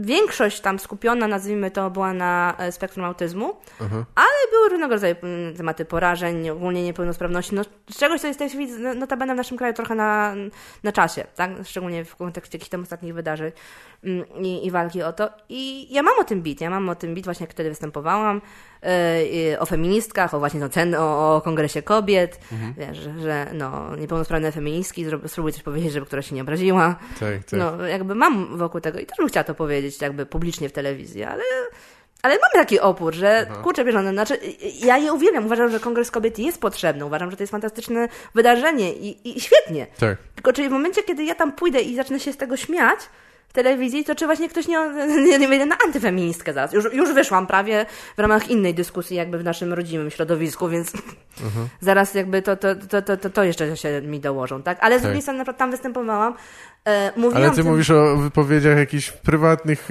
y, na jakimś forum czy coś, tak? To o tym mówisz, czy... No mówię o tej dyskusji ostatnio, Mhm. co się pojawiła przy okazji tam resortu i innych Tak, takich. tak. Ja, nie do, ja nadal nie do końca rozumiem tą dyskusję, ani nawet jestem w stanie się odnosić, bo, bo kontekst jest dla mnie od tego, że się zaczyna od jakichś, że ludzie rozmawiają o tym, o, o rzeczach, których nie widzieli, nie? Że ktoś widział jakiś beat, ktoś kogoś, ko, ktoś komuś przerywał, czy heklował i dla mnie te rozmowy są tak, no, nie tyle jałowe, bo może ich sens jest istotny, ale zaczynają się od rzeczy takich, od jakichś neporozumień, więc dla mnie ciężko jest No tak, kontynuować to. Ale wiem, że coś, coś chyba chciałeś na ten temat. Ja już teraz staram się e, nie pytać o kobiety w komedii, bo wiem, że to jest na swój sposób głupie, może nawet być takie uwłaczające. Wiesz, ja, ja nie lubię na przykład, jak ktoś y, przedstawia y, y, komiczkę, że teraz będzie kobieta, jedyna dzisiaj kobieta. No Może mi się nawet to kiedyś zdarzyło, ale już teraz bym tego nie, nie zrobił. E, natomiast, y, no nie wiem, mam wrażenie, że chciałeś się jakoś w tym kontekście wypowiedzieć, więc możesz, jak chcesz, to możesz coś powiedzieć. Tylko, tylko nie wiem od czego zacząć, nie? To, bo to jest temat. Nie, znaczy właśnie, nie wiem, czy, ale to jest, to jest doskonale to, co ty mówisz, tak? Właśnie, żeby, żeby przestać wyróżniać, żeby przestać odróżniać. Myśmy tyle, że zakładam, że te nasz 10, które nas jest w tym środowisku, bo chyba jest 10, ostatnio liczyłam. Mhm. em, Myśmy, mm, że przynajmniej ja tego nie odczułam i mi się wydaje, że pozostałe dziewczyny też tego nie odczuły jakoś tak mocno. Żebyście, nie wiem, wy nas izolowali, wy nas, e, e, nie wiem, odrzucali, bo, bo dziewczyny. Jest tam jakieś tam, nie wiem, może pojedyncze kilka przypadków, które kojarzę, że mieli problem, na przykład, nie wiem, jak jechałam z Kubicką na trasę, to że czy same dziewczyny na headline się sprzedadzą, czy nie. No tak, tak. Ale się sprzedały tam, gdzie, że tak powiem, promocja była odpowiednia, tak? Jeżeli ktoś się poddaje z promocją w momencie, na samym starcie, bo zakłada, że tak się dziewczyny nie sprzedają, no to to jest inna rzecz, nie? Natomiast ym, ym, mam takie poczucie, że e, e, teraz, żeby to dobrze powiedzieć. Zawsze było tak, że byliśmy w mniejszości. Zawsze było tak, że byliśmy w jakiejś tam, nazwijmy to, y, y, grupie tej faktycznie zaskoc- zaskoczeniem było to, że dziewczyna jest na przykład w takiej ekipie. Zaczęło się to bardzo wcześnie. Ja ostatnio miałam okazję oglądać właśnie mm, dokument o Gildzie Radner, który po prostu się zakochałam, wyłam na nim jak bubr po prostu. To była ta, która stworzyła ten trzon SNL-a. Tak, tak. To ona była tą jedną z pierwszych tam. Później w ogóle mm, fantastycznie by się okazało, że wyszła za Gina Wildera, czyli słynnego młodego Wonka i, te, i, i, i młodego Frankensteina i Tak. generalnie gwiazdę filmów Mela Brooksa. To, to jest dopiero fajny duet komediowy. Aha. E, natomiast no ona, ona właśnie między innymi e, A co, komentowała... oni- przepraszam, a co oni robili razem, bo ja nie, nie jestem na Oni tyle... zagrali w jednym filmie razem, takim Aha. jakimś dziwnym kowbojskim filmie, się wtedy poznali. Też jakimś takim dziwnym, abstrakcyjnym filmie razem zagrali. Komediowym, Okej. oni się wtedy poznali, no i wtedy się zeszli. Ale Dobra, ona, dobra. ona, no, też właśnie, nie wiem, urodą nie grzeszyła taką typową, miała bardzo duże problemy z wagą w młodości na przykład. I właśnie ona, y, ona y, mówiła, napisała świetne pamiętniki i dużo tam właśnie tekstów na ten temat, że jakby zdecydowała się, że po prostu jeżeli mm, i tak nie pasuje do jakichś tam standardów y, urodowych, czy, czy ogólnie odbieranych za estetyczne, no to po prostu wzięła się za śmianie z tego, no bo po co ma się tym załamywać, tak? Tak, tak. Więc ona trafiła do tej grupy i była traktowana jako, jako po prostu jedna z chłopców, tak? One of the boys. I zawsze tak było. I mm, później, że tak powiem, patrząc powiem, nawet na nasze środowisko, czy jakiekolwiek inne środowiska, to ym, jest faktycznie tak, że y, na przykład, moim zdaniem, w momencie, kiedy rozmawiamy o stand-upie, kiedy mówi się dziewczyna stand-uperka, to bardzo często ludzie przywołują A. Amy Schumer. To jest pierwszy jaki tam przykład, bo, bo to ta, co się najbardziej wybiła, nazwijmy No to, tak, ta ostatnio była popularna, powiedzmy No tak. nazwijmy, to no. popularne, tak? I niestety problem polega na tym, że ponieważ ja, przy- na- ja za nią nie szaleję, ja nie jestem jakąś Nie, ja wielką też nie. fanką. Ja też. Kiedyś ją bardziej lubiłem, ale to... No, ale ja nie jestem jej wielką fanką i nie uważam, że, żeby była najlepszym komikiem, jakiego znam, szczególnie jeżeli chodzi o kobiety. E, ale przez pryzmat tego właśnie, że ludzie mają negatywne opinie na, na jej temat, to zakładają... Bardzo negatywne, No, bardzo tak. negatywne. To właśnie jest oj, ko, komiczka Oj Amy Schumer, ona jest do dupy, tak? Jakby przez pryzmat jej No tak. Całe tak. środowisko komiczek jest jakby komentowane. No tak, jasne, No jasne. tak samo jakby ktoś wziął, nie wiem, właśnie i, nie, nie działa to w drugą stronę, tak? Jak się mówi, że chłopak jest stand-uperem, no to nikt nie powie, nie wyciągnie jakiegoś jednego, dennego stand-upera i nie powie całe środowisko. No, jak mężczyźni robią stand-up, to są beznadziejni, bo ten jest jeden beznadziejny, Tak. nie? Więc jeszcze brakuje tej... Znaczy, wydaje mi się, że z polskim stand-upem ludzie nadal tak mówią, ale zgadzam się z tobą, że wiem doskonale o co chodzi, że, że, że tak. Głównie to się odnosi nie tylko w komedii, to chyba do mniejszości, że ktoś reprezentuje całą tą grupę, nie? No, Nagle, w, no, no, no. mimo że jakby jest oczywiste zróżnicowanie i tak dalej. Natomiast ta dyskusja, która się wtedy nawiązała, dotyczyła też między innymi tego, że no zostało e, uruchomione takie e, coś jak e, kobiece open mic, żeby dziewczynki się czuły bezpieczniej, żeby było, żeby nie czuły, że na przykład mężczyzna z nimi występuje, opowiada jakieś sekistowskie żarty, to żeby się one nie czuły uciśnione. Tak. Ale, a, a powiedz, dlaczego się nabijasz z tego? W sensie rozmawiałeś z, z y, nie wiem, z Agnieszką Matan, która to zakładała, Pro- czy... Prowadziłyśmy jakby czy- dyskusję wtedy podczas tego Aha. wątku. Czy rozumiem, że już się nie lubicie teraz po tej Nie dyskusji? miałyśmy okazji, ona, ona chce rozmawiać, więc jakby ten, chociaż ostatnio jak właśnie No. usłyszałam argumentację podczas innego podcastu, że y, właśnie y, y, co do tego Aha. wydarzenia, które było za- zalążkiem całej kłótni, tak, że wstąpił chłopak, opowiedział szowinistyczny dowcip, który moim zdaniem nie był szowinistyczny, był, do, był, był durnym Po dowcipem. prostu Znaczy takim, głupi. po prostu- to był dowcip Ale- pod tytułem powiedział, że kłócił się ze swoją dziewczyną i że podczas tej kłótni zamienili się miejscami, bo y, ona po- mówiła racjonalne argumenty, a on się poryczał z braku argumentów. Aha, Że się zamienili miejscami. Aha No, tak, tak, że zachował się jak baba, czy No, zachował się jak baba, tak E, jest. No, no, no. no e, Jezu, no, no jeden z miliona typowych żartów na temat relacji damsko-męskich. No kurczę, my, my, my takie opowiadamy, tak, jak ciśniemy chłopakom, Mhm. tak? My takie... I, szczerze mówiąc, nieraz z braku argumentów, z bezsilności w kłótni się poryczałam. Nie mam Tak. absolutnie z tym problemu, tak? To jest po prostu jakaś tam, nie wiem, cecha, to nie jest... No i jakieś tam dupeczki, które siedziały na, e, na widowni, jak zakładam, zaczęły go heklować. To tak heklować, że po prostu zaczęły go tam naprawdę, że no nie, ma, nie, miał, chłopak, nie miał chłopak możliwości występu dalej. Tak. A organizatorka... ale ty byłaś tam? Nie. Nie, ja też widziałam tylko nagranie. Więc tak naprawdę, może ws- wspomnijmy tylko, że nie wiemy, co się tam Nie wiem, co się wydarzyło. tak Wi- Widziałam tylko nagranie żartu. Musiałbym zaprosić e, człowieka chyba, który e, miał ten występ, żeby No. się dowiedzieć. Znaczy, no z nim rozmawiałam, właśnie on mi to tak opisał i że właśnie nie, Rozumiem. nie, nie, nie, dokończy, nie dałem mu dokończyć, a organizatorka nie zareagowała, tak? Tak, tak. Yy, no i to był cały jakby klus systemu, tak? I ja wychodzę z założenia innego, jeżeli robimy stand-up, jeżeli robimy te, tego typu formę, tam jest taka jedna bardzo piękna zasada i moim zdaniem powinna się jakby tego tyczyć. I to chyba w zasadzie wszystkich y, żartujących się tyczy. If you can take it, don't dish it. Tak, jeżeli nie możesz tego jeśli... przyjąć, mhm. nie wyrzucaj z tego siebie, nie żartuj, tak? Jeżeli nie, ma, tak. nie potrafisz przyjąć do siebie żartu, nie żartuj w drugą stronę, no tak? tak? Więc jeżeli jakby nie jesteś w stanie, yy, jeżeli chcesz robić ten stand-up, czy jesteś kobietą, czy jesteś facetem, nieważne kim mhm. jesteś, wchodzisz w to środowisko i zdajesz sobie sprawę z jego specyfiki, no to jeżeli nie potrafisz y, przyjąć na siebie żartu jakiegoś, że nie jesteś w stanie przyjąć pewnych, nie wiem, y, y, nie musisz się z tym zgadzać, nie musisz się, nie musisz się y, z tego śmiać nawet, mhm.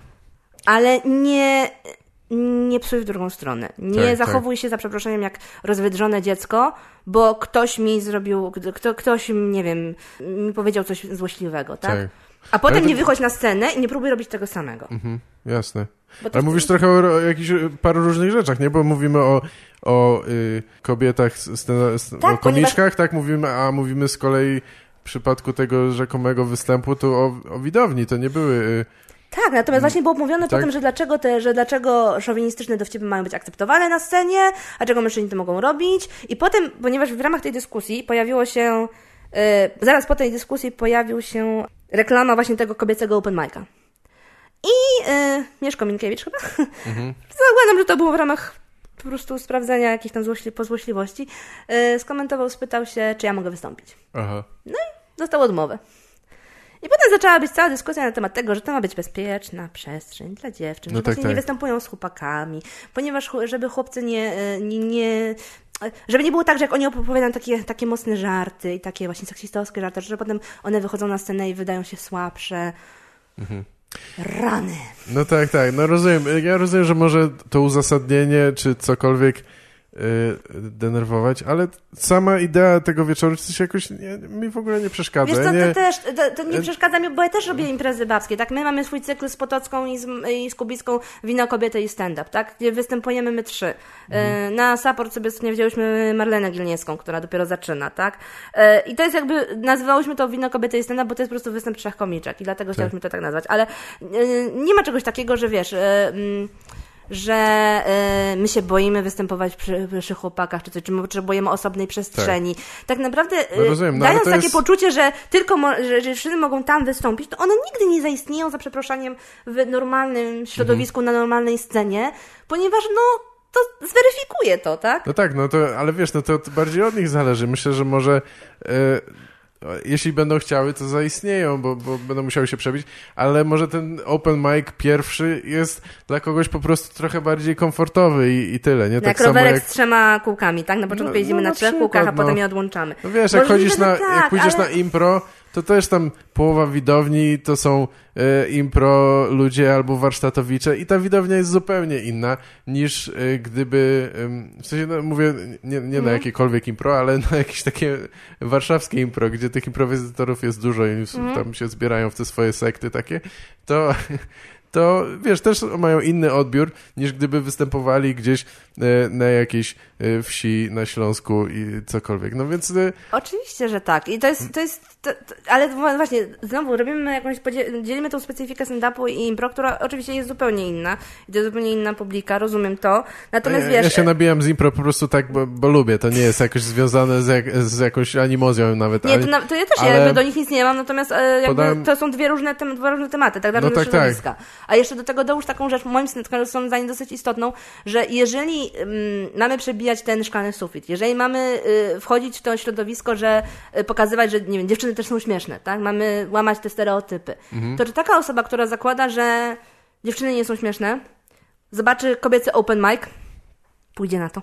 No ale to nie jest, to nie jest no nie, masz no rację, nie, no, no więc ale to, to, nie, nie działa nich, temu, no. że, ale niby takie jest założenie, tak, że to ma działać, żeby, żeby było więcej kobiet w komedii, żeby one to... Da, da, da, no tak, tak, no bo to jest dla tych kobiet, które chcą wystąpić, moim zdaniem, nie dla, to jest coś zrobione dla którzy, ludzi, którzy chcą występować, a nie dla widowni. To jest pod kątem ludzi, którzy no nie wiem, ja sobie może nie wyobrażam takiej Włas, sytuacji, Własny ogródek, no właśnie to mieć własną piaskownicę, no, własny ogródek, my to będziemy no tak. dla, dla siebie nawzajem i dla jakichś ludzi, którzy generalnie no są dla tak. nas mili i przyjemni I to będzie fajne. I spoko, niech tym siedzą. Yy, od, mówię, jak, jak zobaczyłam, że odmówiły Mieszkowi, to ja stwierdziłam, dobra, aha, czyli w takim razie w porządku jest, jeżeli... Yy, yy, znaczy inaczej, ja pomyślałam sobie jeszcze o takiej kategorii. Niechby któryś chłopak odmówił dziewczynie wystąpienia. No ja wiem, no wiem, to jest, ale to, to jest była stary... gówno burza taka, że to by się Tak. po prostu, no, no by się już nie przyjęło. No masz rację, Żaden tylko to jest chłopak stary w stand-upie nigdy symetrystyczny- nam nie odmawiał. Sta- Stary taki sym, symetrystyczny argument, że wiesz, wszystkim, nie może być wszystkim porówno, więc jak ktoś sobie robi coś takiego, niech sobie robi i ta pozycja kobiet i mężczyzn w tym stand-upie nie jest równa, więc wiesz, no, komu, ja nie rozumiem, komu to przeszkadza tak naprawdę. Wiesz, to nie jest... No właśnie, pytanie, na, czy, czy W sensie, jeżeli czy z komu tym to walczymy... szkodzi, na co? No komu to szkodzi, tak. Jeżeli mamy zamiar z tym walczyć, z tym jakimś tam stereotypem, czy mamy zamiar, żeby tych kobiet było więcej w komedii, no to czy w, zachęcamy te kobiety, żeby wchodziły w to środowisko, żeby właśnie tam się pojawiały, żeby Tak. po prostu się nie wstydziły, nie bały się tego, że potrzebują specjalnego traktowania, że Mhm. potrzebują lżejszych warunków, że potrzebują taryfy ulgowej, Tak. czy zachęcajmy je pod tytułem Tutaj jest grupa facetów, którzy nie mają nic przeciwko, żebyście między nimi, y, między nimi y, y, weszły, tak? Tak, tak. Między nich weszły. Żebyście z nimi wystąpiły. Dawajcie tutaj. Nie, nie wstydźcie się tego, nie bójcie się. Mhm. Jest ten wieczór wrażliwych chłopców, też jako rozumiem, jako kontra do tego. Tych, Tak, chyba tak, nie, I tam no. dziewczyny występują na open micu. Tam nikt nie ma problemu, bo wiedzą, że jakby chyba, znaczy tak mi się wydaje, że jeżeli by e, faktycznie dziewczyna by tam przyszła i oni by jej odmówili, no to... A to tego nie wiem, bo nie byłem na, na żadnym z tych Nie, wieczorów, ale wiem, nie, że nie widziałam na liście ale... występujących, że są dziewczyny, więc może to nie, nie będzie faktycznie, nie wiem, wieczór jakiś taki softcore'owy, tak, że właśnie bez, nie wiem, bez y, brutalnych, dwuznacznych dowcipów, bez jakiegoś czegoś takiego. Niech to będzie ten wieczór Tak. delikatniejszy, softowy, ale nie na zasadzie, dobrze, jakby my wchodzimy do, do, do chłopców i chcemy się z wami bawić, ale za chwilę potem odchodzimy na bok i robimy własne podwórko i, i, i no boys allowed. Tak, no to, to tak. w tym momencie za, za, za przeproszeniem klanę Morwisów zalatuje, no. Jak No chłopcy wiem. robili klub dla chłopaków i tylko dla chłopaków. No to jest No idiotyczne. nie, no śmieszne to jest, ale gdyby ktoś chciał robić, e, myślę, że, że może trochę przesadza, przesadzasz w tym sensie, że gdyby ktoś chciał, e, nie, nie, nie, że ogólnie, zaraz powiem o Nie, co no, mi chodzi, e, że gdyby ktoś chciał zrobić tam, o, męską komedię i faktycznie by, wiesz, taki wieczór na przykład komediowy i sami faceci by wys- występowali i gada, nie wiem, gadali tam o piłce, chuj, chuj wie, to, to, to tak naprawdę nie byłoby problemu. W sensie e, ktoś może miałby z tym problem, ale to nie byłaby jakaś wielka kontrowersja, bo ludzie bardzo często robią takie rzeczy, że są tylko dla facetów, tylko dla danej grupy, i szczególnie te, które są dominujące. Ja myślę, że to nie... Ostatnio widziałam ogłoszenie na fejsie jakiegoś, e, nie wiem, dnia manly CEOs, jakich, dla jakichś właśnie panów biznesmenów, Aha. takich tylko dla mężczyzn CEOs, w ramach jeszcze partyjki golfa i wiesz, ten, testowania whisky, to, to, to tam się dało w komentarzach, to, to jakby wow. Nie, no wiesz... no dobra, e, no nie, no masz rację, ale, To jest w ten sposób mi się wydaje, że działa, że e, ale to jest tylko PR-owe, to nie jest To tak, jest że PR-owe, coś, tak, że no to jest- to jakie jest- żadne konsekwencje im za to nie grożą. No. Ale wiesz, nawet był, był wieczór hardkoru w, w tym, w Gdyni, w którym brałam udział, jako jedyna dziewczyna. Tak. I jakby z tego, co wiem i jakby jak było to komentowane, no to sorry, ale rozjebałam. I to jakby lepiej od chłopaków. A występowali No jasne, naprawdę spoko. mocni zawodnicy. Więc wiesz, to nie jest kwestia tego, że y, y, byłam dziewczyną, to nie jest kwestia tego, to po prostu no, kwestia materiału, delivery, wszystkiego innego, tak? Ale był wielu hardkorów, więc jakby ludzie się spodziewali, że będzie hardcore. I zakładam, że faktycznie na taki wieczór, nie wiem, dziewczyna, która się czuje, nie czuje się bezpiecznie, nazwijmy to, na scenie by nie poszła, tak? No nie. No i to jest, to jest, no więc, no to możemy tak to dzielić, tak jest hardcore, jest softcore, nie wiem, night czy cokolwiek. Ale wiesz, problem polega na tym, że gdyby to Softcore jeszcze, comedy. softcore, nie? E, gdyby to szło tylko tą logiką, żeby dawać dziewczynom start, żeby coś, okej. Ale jeżeli za tym jeszcze idą jakieś takie inne jakieś komentarze, typu ostatnio właśnie była komentowana ta sytuacja, że tego występu nieszczęsnego, tych heklerek na tej publice, i w toku dyskusji pojawił się argument pod tytułem to nie był problem, że one heklowały, to problem był, że heklują dziewczyny, bo jak heklują chłopcy, to jest w porządku, ale jak dziewczyny, to wiadomo, że się cały świat czepia, bo to dziewczyny heklowały. Jakby... Ja mam w dupie za przeproszeniem, kto mnie hekluje. Czy to będzie babka, czy to będzie facet, za przeproszeniem zaheklujesz raz, odpowiem, znaczy zignoruję cię, za- drugi raz odpowiem ci, za trzecim razem wypalaj, no. Tak, tak. No bo to na takiej zasadzie działa. Ja nie mam, tu nie miało na- najmniejszego znaczenia, kto heklował. To było to, że siedziały za przeproszeniem no, no mówię, no, no, no jakieś dupeczki na, na, na, na, widowni, które po prostu rozwalały chłopakowi występ, no. tak, tak. I czy to byliby nachlani kolesie, czy to byłyby przewrażliwione laski, tak mhm. samo należało im za przeproszeniem albo zwrócić uwagę, albo po prostu je wyprosić. End of discussion, Jasne. tak? Ale no po prostu jeżeli za tym idą takie jakieś, wiesz, histeryczne komentarze i takie właśnie wojowanie z tymi chłopakami, to to w ten sposób nie zadziała. To to w ten sposób nigdy się nie zmieni. Tak. To jak w momencie, kiedy ja jestem informatykiem yy, z, z wykształcenia, w momencie, kiedy ja pracuję w branży informatycznej, to jakbym ja za każdym razem, wiesz, prosiła, że, że tak powiem, ja chcę, ja chcę, nie wiem, ja chcę robić strony internetowe, ale ja nie chcę siedzieć z, z mężczyznami, bo ja się będę czuła, że, bo oni są inni i oni, oni będą mnie dyskryminować i w ogóle, no to kto by mnie tak. zatrudnił? No jasne, masz rację. No nie wiem, to jest branża, tak, branża czy jakaś sfera kreatywna, więc trochę też inaczej do, do tego y, podchodzę. Znaczy w sensie tak artystyczna powiedzmy, wiesz, no i no. I tak samo jednoczą się chyba czasami jakieś malarki czy coś, czy inne artystki, bo, bo rzeczywiście na przykład kobiet y, jest bardzo mało w galeriach i, i tak naprawdę nie ma na przykład dobrego uzasadnienia na to i z takich czy innych powodów próbują jakoś y, współpracować, nie? Pewnie tak. No, ale... Są to na ten temat komentarze, nie wiem, podczas rozdawania Oscarów, ile kobiet tak, zostało tak. nominowanych do czego. I jest wtedy wielka celebracja tej, co się udało, tak? Ale jest dużo pro projekcji w tym, w tym y, co, co opowiadasz, no bo tak, może bo tutaj dziewczyny czy ktokolwiek tam reaguje na zasadzie, że no pewne zachowanie u, u, dziewczyny nie jest tak akceptowane czy promowane, no. tak, że kobieta ma tam siedzieć cicho, czy nie może się zachowywać agresywnie, jakkolwiek, czy coś takiego. No ja, ja to rozumiem, nie? No, a w tym przypadku, w tym kontekście może nie ma to znaczenia, ale dla mnie na przykład, y, jak się widziałem tam coś, co pisaliście i się zastanawiałem nad tym, y, już kiedyś chyba mówiłem o tym nawet, że dla mnie kobiety heklerki są czasami gorsze i to nie tak, z tego bo powodu... Są, bo są bardziej złośliwe, są bardziej upierdliwe. Chyba bardziej troszeczkę może bezkarnie. Jeśli już są na tyle bezczelne, żeby w ogóle przeszkadzać, no. E, to często jest tak, wydaje mi się, że, że trochę są, się czują bardziej bezkarne. No ale... E, nie wiem, to bardzo wiele zależy od, od kontekstu, jak zwykle, no, więc... Też mi się tak wydaje. Natomiast, no mówię, no mm, po prostu yy, jeżeli ma to być robione pod tytułem E, jeżeli ma to być robione tylko w kontekście, że dobra, robimy jakąś tam bezpieczną przestrzeń dla dziewczyn, bo, bo taka jest potrzeba dla dziewczyn, okej, okay, ale jeżeli do tego dochodzi cała argumentacja pod tytułem, bo my jesteśmy uciśnione, bo chłopaki są niefajni, bo chłopaki opowiadają seksistowskie żarty, bo, bo no, to, to, to, chyba nie, nie jest, to chyba nie jest takie skrajne, mi się wydaje. Nie? Znaczy, no, no takie, jakby... takie argumentacje się pojawiały, tak, dlatego no pojawiały, ale to... tu wypowiadają się najróżniejsi ludzie, część z nich w ogóle nie ma nic z tym wspólnego, mam wrażenie. No, ale w dużej mierze też ci, co jakby w tym biorą udział. No dobra, jasne. Jakby, no, no, no, no, wiesz, dla mnie to jest po prostu... Yy dla mnie jako stand-uperki, która, że tak powiem, nie ma problemu z występowaniem między chłopakami, która czuje się, nazwijmy to, nie czuje się na równi oczywiście, bo nie czuje się le, le, do, tak dobrym komikiem jak wielu facetów, głównie dlatego, że po prostu nie mam czasu tego robić, aż tak bardzo. Nie jestem tak bardzo w to zaangażowana. Tak, tak. Chciałabym, ale nie mam po, prostu takiej możliwości. Doświadczenie, to jest tak? jakby kwestia mhm. doświadczenia mnie wyróżnia, tak? Tak ale y, nie te, tego typu, powiedzmy, że akcje tego typu właśnie dla mnie działają szkodliwie jeżeli chodzi o odbiór z zewnątrz. Mhm. Bo, bo właśnie gdzieś ktoś będzie zaraz uznawał, że to, to, to potrzebuje te, te, tego, nie wiem, tego no słabszego tak. podwórka, tak? Tak, rozumiem. Nazwijmy tak, to. Tak, no, no to, to pewnie masz rację. Gdzieś tutaj to się jakby y, przerzuca na, na, na, tą drugą, na ten drugi odbiór, tak? No ale póki co, no w takim razie, no to jeżeli faktycznie to ma w ten sposób wyglądać, że to ma być ta bezpieczna przestrzeń dla nich, bo, bo, bo, bo, bo że tak powiem, w naturalnym środowisku sobie nie poradzą, no to póki co no, nadal będzie nas te 10. No tak, Zakładam, tak, jasne, masz rację. No nie wiem, dla mnie trochę open mic czy cokolwiek jest dla ludzi, którzy, e, czy często dla ludzi, którzy zaczynają, występują pierwszy raz. Myślę, że nie ma nic takiego złego w tym, żeby, żeby im stworzyć trochę lepsze, nawet łatwiejsze warunki, bo to też nie jest tak, że wiesz, ta widownia jest jakaś... E, Oczywiście, e, że tak. No to, ale to wtedy mówimy o open micu, ale... tak? Po prostu o tak, open tak. micu. Założeniu open mica, jako dla wszystkich właśnie.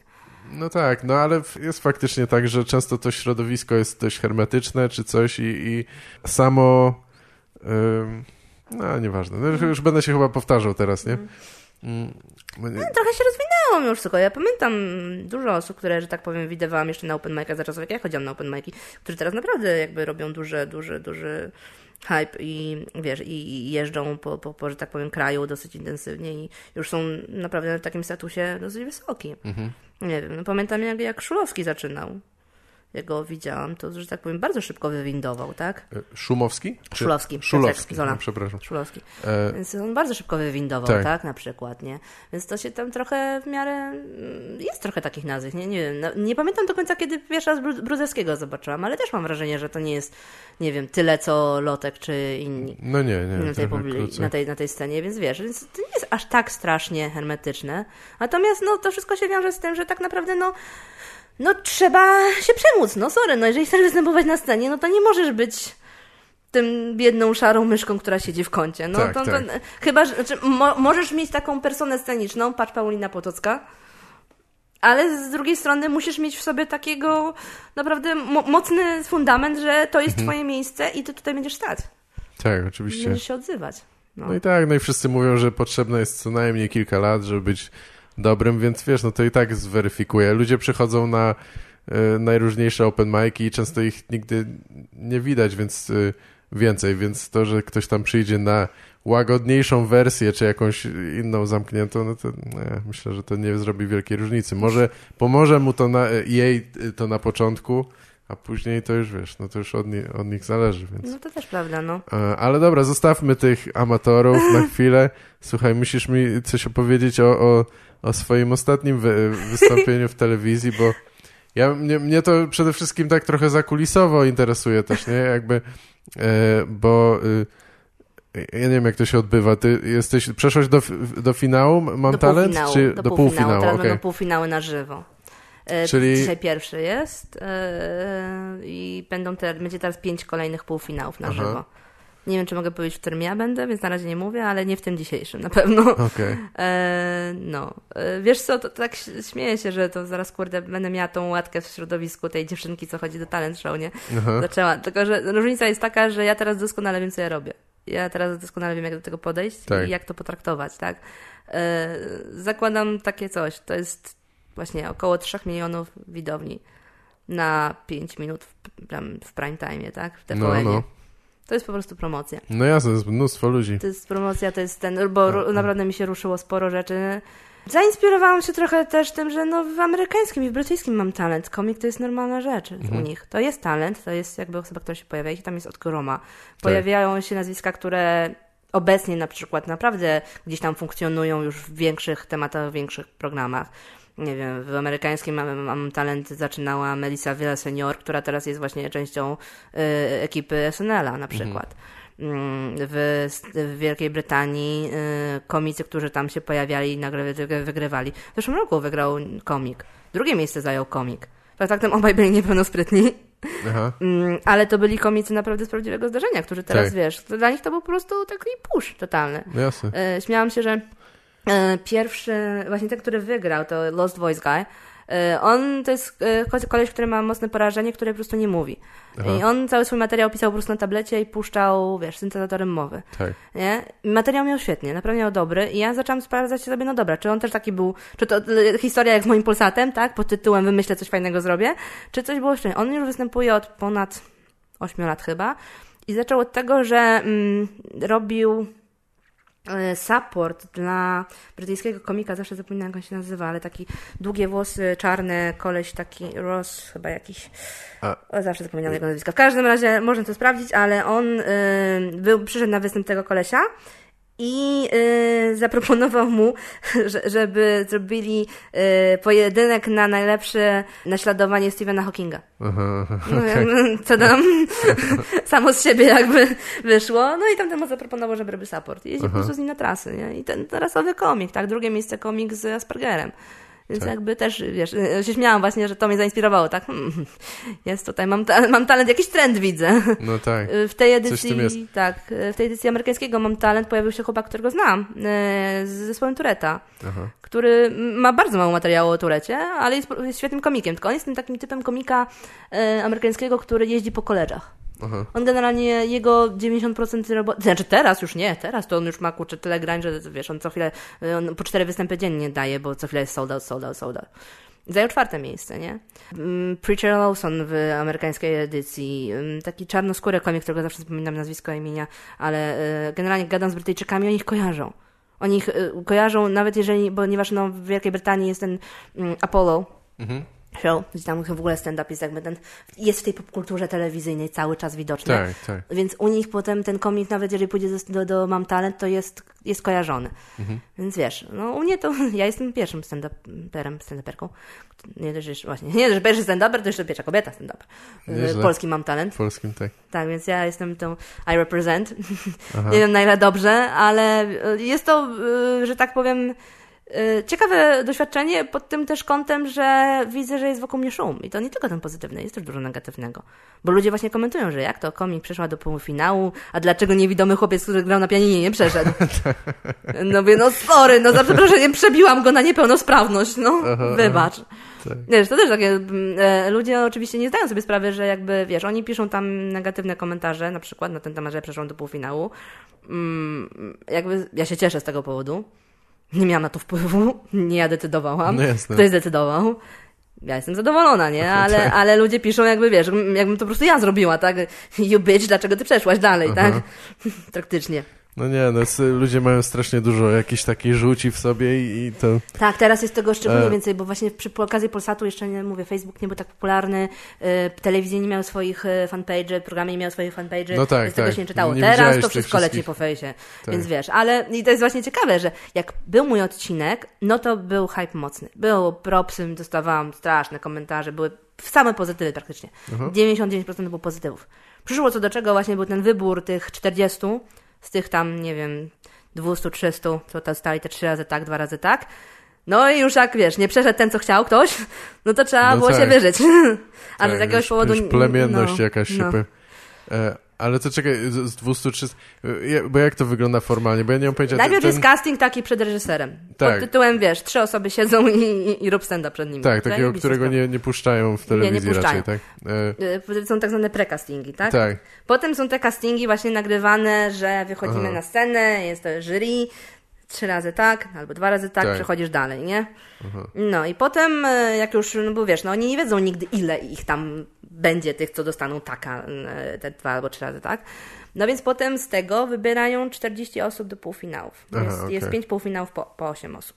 I z każdego półfinału przechodzi dwie, chyba, z tego co się orientuję, dwie przechodzą, no i potem Ojej. jest 10 osób w finale. To dużo więcej niż myślałem. Myślałem, że to już jest takie małe grono. Czy- Znaczy, to jest małe w porównaniu proporcjonalnie, ale z 40 osób wy tam dwie wybrać czy coś, to Tak. już jest...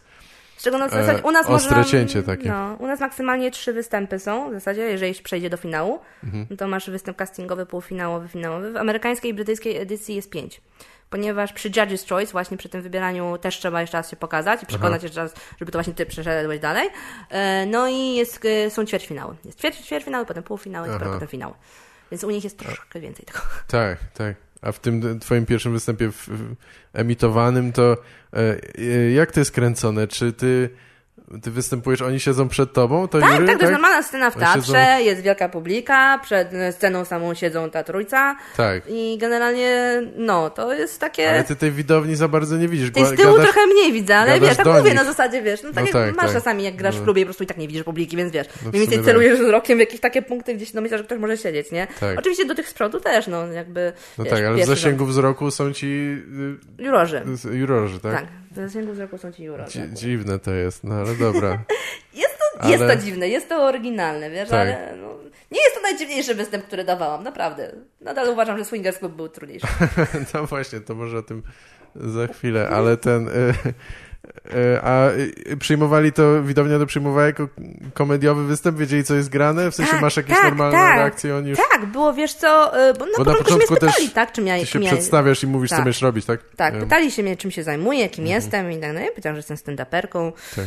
E, Chyba Gosia Foremniak przez chwilę nie wiedziała do końca o co chodzi, więc dam komikiem. I, I ten, ale, ale, ale nie, jakby powiedziałam, wiesz co, mi się wydaje, że już ludzie kojarzą trochę, co my robimy. No już Więc to już nie było tak. aż takie, wiesz, e, dziwne dla nich. Mm, I się wiedzieli, czego się spodziewać. No wiadomo, że no ja trochę y, dłużej gadałam. Mm, Znaczy niewiele dłużej. No ale wiesz, no oni musieli mieć coś, żeby potem ładnie poucinać. Tak, tak. Więc tu I, ile masz tam czasu, czy ile mówiłeś? dwie i pół minuty. Dwie i pół minuty tylko? No to są jakieś, wiesz, mm, przy dobrych wiatrach ze trzy bity da radę zrobić. Oglądałem, ale myślałem, że tam jest ścięte sporo, a to rzeczywiście Znaczy gadałam, gadałam troszkę dłużej, gadałam No tak, z tak. 5 minut chyba gadałam, no ale to wycinali do dwóch, no. Teraz na żywo będzie trudniej, tak, bo teraz na, na żywo nie ma żadnego montażu, Aha. więc ja muszę te dwie i pół minuty jakby ten, ale z drugiej strony ja sobie zdaję sprawę, że właśnie dla produkcji to ja mogę być dosyć ryzykowna. No bo nie oszukujmy się, no jak masz jakiegokolwiek, nie wiem, tancerza, wokalistę, kogokolwiek, no to taka osoba zgłasza, nie wiem, na półfinał będę śpiewała to, e, zatańczymy taki układ, zrobimy to, tak? A ja Aha. w zasadzie mogę 5 minut przed wyjściem na scenę stwierdzić, pff, pierdzielę, wychodzę jakby gadam coś zupełnie No innego. niby tak, ale, ale daj, musisz, Nie no, oczywiście nie mogę. musisz dać tekst do zatwierdzenia, czy coś takiego, tak? E, tak. E. E, znaczy, no generalnie Czy- jakby e, mm, nie jest tak, że e, e, to jest mój tekst, Nie, no jasne. jest ten, no ale... ale konsultacja jakaś zawsze tam będzie pewnie, jest. Tak, tak. No bo wiesz, no, no, no, no nie Tak. mogę ich narazić na coś, tak? Nie mogę ich narazić na to, że powiem coś, co, że tak powiem, potem oni będą za to płacić, a nie ja, tak? No tak. No więc jakby muszę ten, Oj, mówię. biedni, żeby nie musieli Ojejku, czasami płacić za to.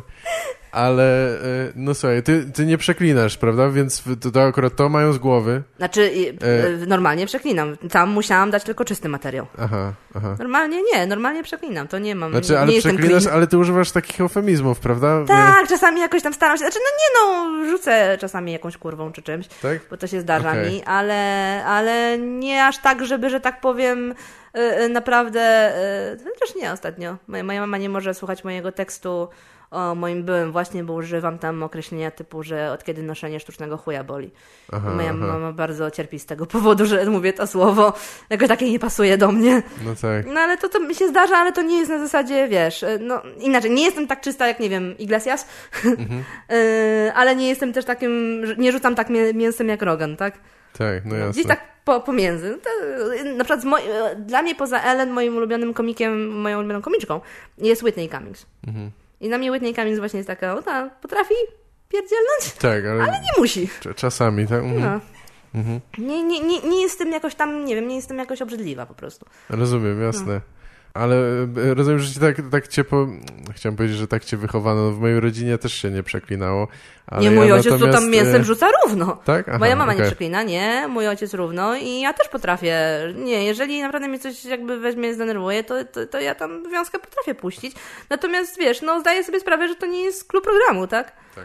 E, Staram się, e, wiesz, staram się łagodzić pewne słowa, tak? Na przykład nie mówię, jeżeli występuję, to nie mówię niepełnosprawny, mówię niepełnosprytny. Tak jakoś próbuję, wiesz, no, ładnie, żeby to było. Ale to są takie, wiesz, moje drob, drobne No dobra, jakieś tam ale, zmiany. Tak, ale jak mówisz, nie wiem, nie wiem co mówisz, ale jak ktoś mówi na przykład kurcze pieczone, to to nie jest to samo? Nie, no to, to nie, to, to w tym momencie nie, wiesz co, mm, ja mam po prostu jakieś tam swoje powiedzonka, tak, które gdzieś tam wtrącam. I to Tak. jest jakby, nazwijmy to część mojego sposobu wypowiadania Rozumiem. się, ale nie, nie mam problemu z bluzgami, nazwijmy to, ale wtedy, kiedy są potrzebne tak naprawdę. Mhm. To po prostu nie ma, nie ma sensu, wiesz, cisnąć na siłę. I miałam problem właśnie, żeby dobrać materiał do TVN-u, bo mimo wszystko dużo takich, wiesz, gdzieś tam tekstów moich gdzieś właśnie dla tego podbicia nawet zawierało tą, tą, nie wiem, tą kurwę, tak, na przykład. No i Tak. tutaj trzeba się pilnować jednak, nie, nie, można, nie może mi się wymsnąć, tak, tym razem. Szczególnie na live jeszcze, tam mi się mogło wy- wymsnąć, teraz już nie będzie mogło mi się Tak. wymsnąć. Więc to jest, wiesz, zupełnie inna rozmowa. No jest to, wiesz, poza tym, no nie oszukujmy się, no, no y, to jest program, który leci o 20. Więc to, No tak. to nie jest tylko kwestia przeklinania. Jasne, właśnie tematycznie tam jest... y, Dostajesz jakieś wytyczne, czy dopiero jak Mm, pokażesz Mam im, co dużo chcesz mówić? to- swobody, y, nie dostaję wytycznych, ja Mhm. pokazuję, co ja chcę powiedzieć. No tak, tak. Ja pokazuję, co chcę powiedzieć i jakby dostaję tylko sygnał pod tytułem No tak. Jest. za mocno, za dużo. Wiesz, no, no, no, no mówię, w małej dłoni wszystko wydaje się większe, przeszło.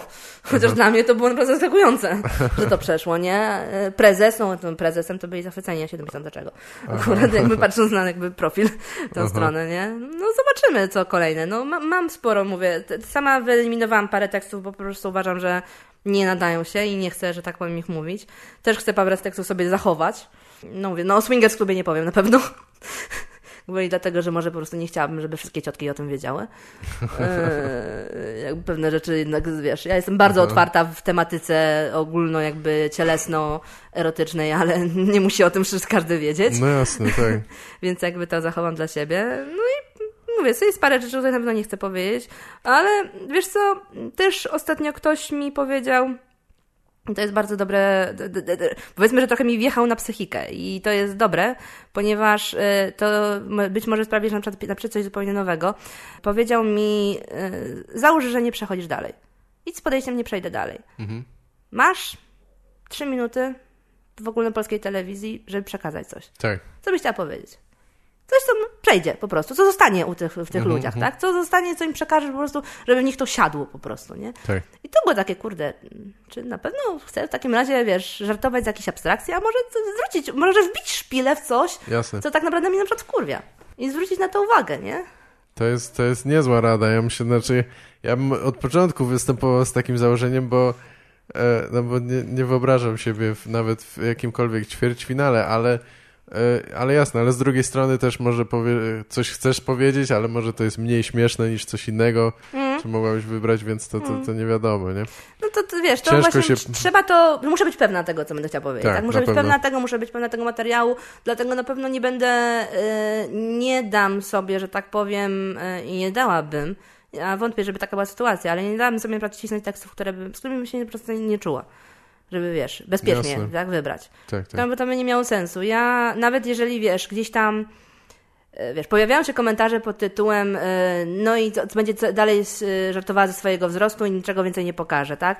To nie jest tylko żartowanie z mojego wzrostu. Ja żartuję z sytuacji, które mnie spotykają, które no niestety są głównie jakby nacechowane tym, że po prostu wyglądam jak wyglądam i mam perspektywę, jaką mam, tak? Czy jak tak. na mnie ludzie reagują, czy cokolwiek. Tak, jest to tak. w jakiś sposób powiązane. No nie pozbędę się tego, tak?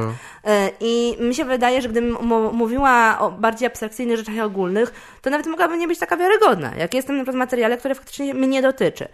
I jeżeli, wiesz, jest komentarz pod tytułem, żebym nie powtarzała jakby te, tej samej tematyki, no to kurczę, mówimy tutaj o dwóch minutach, no właśnie, powiedziałam, przede wszystkim... i kolejnych dwóch minutach, które dopiero mam powiedzieć, tak? Bardzo mało czasu. Ja rozumiem, jeżeli byśmy mówili o, nie wiem, o całogodzinnym programie, który jest urozmaicony, tak? Ale tutaj jakby chcę wziąć rzeczy, których jestem pewna po prostu, że tak. wejdą tak. i że mam zawsze na nie reakcję, no. Jasne. Z punktu widzenia warsztatu czysto. Nawet. Też, też się nad tym, nad tym zastanawiałem, czy czy właśnie komik, który w jakikolwiek sposób się jakoś wizualnie odróżnia, czy może e, unikać e, tego tematu, albo jak długo. Może jak ktoś cię już zna, tak, i przychodzi hmm. na twój kolejny występ, to, to pewnie to nie ma znaczenia, ale, hmm. ale jak tym bardziej w telewizji komuś się e, pokazujesz po raz pierwszy, to, to mam wrażenie, że tak coś musisz powiedzieć, bo inaczej ludzie, jak jest takie napięcie, jakieś ludzie czekają na coś, żebyś ty po coś powiedział. Tak, nie? tak, ludzie, wiesz, to jest takie przyzwolenie, da, ja daję przyzwolenie na to, żeby się śmiać. Tak, tak. W jakiś sposób. No znaczy, oni czekają. To nie jest to, że ja, wiesz, wymagam tego, tak? Że tak. dopiero jak ja wam pozwolę, to wy się możecie ze mnie śmiać. Nie, to nie o to chodzi. Natomiast oni mają takie, wiesz, wewnętrzną blokadę, czy na pewno mogę się z tego śmiać, że ona, tak, że coś tak. jest z nią nie tak. Jest, wiesz, ja się, e, e, miałam takie, wiesz, takie, takie zabiegi, nie wiem, że wychodziłam na scenę, jak widziałam taką właśnie niepewność jakąś na twarzach, to mówię, co nie widzieliście nigdy nikogo z niebieskimi włosami, rozumiem o to chodzi, tak? To, to jest wasz problem, nie? Tak. Więc jakoś gdzieś tym rozbijałam, tak, jeżeli tak bardziej delikatnie, ale zazwyczaj to właśnie ten pierwszy e, zetknięcie ze mną, to musi być takie rozładowanie napięcia, potem rozładowanie, że tak, można, ja jestem, zdaję sobie sprawę, że wyglądam dziwnie, tak, wiem o co chodzi, tak, no to jakby a teraz, a wiesz, a potem z drugiej strony właśnie y, rzucając y, dużo bitów właśnie mam na temat tych reakcji na mnie, mhm. to wiesz, to potem mam nadzieję, że właśnie gdzieś tam ktoś się zastanowi następnym razem, jak gdzieś tam zaczepi na Jasne, ulicy, tak?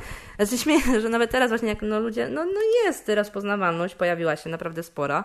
Mm, I wiesz, ktoś mnie tam zaczepia i e, nie była pani, mam talent przypadkiem? Ja, no tak. A, poznałem po włosach. Na pewno, tak, dokładnie, tak, oczywiście, to jest to dokładnie tak samo słyszę, Pierwszy tak? Co? No, chociaż wiesz, też jest takie to dziwne, bo e, reakcje na ulicy to ja miałam zawsze, tak? Ja Aha. teraz muszę zacząć je odróżniać po prostu, bo kiedyś to były reakcje na zasadzie e, patrz co idzie, tak? A teraz to są reakcje na zasadzie patrz idzie man talent, no i teraz muszę rozróżniać, tak? Komu tak. wpierdolić, a do kogo się us uśmiechnąć, nie? Tak. To jest pewna różnica. No, ale jest to, wiesz, no jest to swego rodzaju uswajanie. No, no, niestety, yy, problem polega na tym, że każda jakakolwiek inność, yy, która się pojawia w społeczeństwie, czy w ogóle na świecie, y, musi przejść tą taką drogę przyzwyczajania ludzi, tak? Tak samo było z czarnymi, tak samo było z innego typu niepełnosprawnościami tak naprawdę gdzieś ta charakterystyka musi, dopóki ludzie, wiesz, nie będą tego widzieli na co dzień w popkulturze, w świecie. Że sugerujesz, że bycie czarnym to jest niepełnosprawność. Wiesz, to nie, to jest inność, to jest ja inność, to słowa inność. Ja wiem, to po prostu nie, tak daje się wiesz, czepem. Inaczej, ale... jakiekolwiek grupy dyskryminowane, nazwijmy tak, to, no, tak? Tak, no u nas też oswajanie, bo, bo nie ma... U nas z czarnymi też trzeba ludzi ma... oswajać. I nie było tak, tego zróżnicowania. W innych y, krajach to nie było oswajanie, tylko jak coś więcej, tak? No to, to było, to było. Inkluzja, akceptacja. No. no, a u nas, wiesz, no a... już Maria, jak e, Osi Ugono wygrała top model, to też było, wiesz, no tak. jak to Czarna wygrała polski no tak, top tak, model, jasne. no, ale ona jest taką samą Polką, kurde, jak każdy inny, no tak? Oczywiście, no więc tak. gdzieś to jest ta, ta inność i to się pojawiało, wiesz, z czasem. I... Jak obsadzisz czarnego aktora w czymkolwiek, to, co się nie, ktoś nie spodziewał, to musisz się z tego jakby tłumaczyć, albo, albo no. jest to traktowane jako ruch polityczny. No. To czasami jest, ale, ale bądźmy szczerzy, że że jakby to nie powinno być też nic dziwnego, nie? No. Nie, nie, moim zdaniem w ogóle jakby ta cała część, no mówię, no e, dla mnie jakby takim no, ruchem pierwszym, nie wiem, był Dinklage Grze Tron, tak? Postać mhm. Tyriona. No to on wykonuje robotę. On tak. wykonywał robotę, on nadal wykonuje zajebistą robotę dla, nazwijmy to, moich ludzi, tak? Że jak ja poszłam na Comic Con dwa lata temu i się przebrałam za Tyriona, to po prostu furora była, tak? Mhm. I nagle nie musiałam się przebierać za Hobbita czy za inną jakąś postać fantastyczną, tylko tak. po prostu za zajebistą postać z popularnego serialu, która tak naprawdę no, no gdzieś tam y, y, wyrosła na tym. A się śmiałam ostatnio właśnie, bo on teraz y, występował w filmie na HBO, takim mm, jakby biograficznym, dotyczący innego aktora, e, właśnie niskorosłego. Mhm. Facet, film się nazywa Kolacja z Erwę i to jest na temat aktora, który grał w chyba w Człowiek ze złotym pistoletem w Bondzie i w takim serialu Fantasy Island w Stanach, takim bardzo popularnym z tego czasu. I to był właśnie taki człowiek bardzo niziutki, który w tym serialu miał taką kwestię, że jak się zaczynał odcinek, to za każdym razem, ponieważ to właśnie działo się na jakiejś tam wyspie, on widział, że jakiś samolot z nowymi gośćmi nadlatywał. I zawsze krzyczał takie the plane, the plane, the plane is coming, nie? No i the plane, the plane to był taki jego, taki, taki jego catchphrase. No i właśnie Dinklage ostatnio w tym, w wywiadzie powiedział właśnie, że no w dzieciństwie to za mną wołali, nie? The plane, Aha. the plane, nie? A ja w tym momencie stwierdziłam, no a za mną wołają kurde winter's coming, tak? No, no więc tak. jakby to w ten sposób działa, tak? Tak, jakieś Może kiedyś ktoś ze mną jakieś moje jakieś teksty będzie, wiesz, rzucał z jakimś innym achondroplazjakiem czy kimś. No ale to swego czasu, no, no to, ten sposób idzie, nie? No, natomiast, no nie, no wiesz, to, to Bożeż tym mój, to tak jakby, nie wiem, Fluffy nie opowiadał o tym, że jest gruby, czyli Gabriel Iglesias jakby, nie wiem, y, y, Chris Rock czy Dave Chappelle nie opowiadali o tym, że są czarni, no to było mhm. idiotyczne, no. No tak, byłoby to trochę dziwne. dziwne. Omijanie e... tego tematu. Tak, tak. No, no, tak, no szczególnie jeśli to jest jakaś cecha, która wpływa na, na jakby na całe twoje życie, no to, to byłoby dziwne.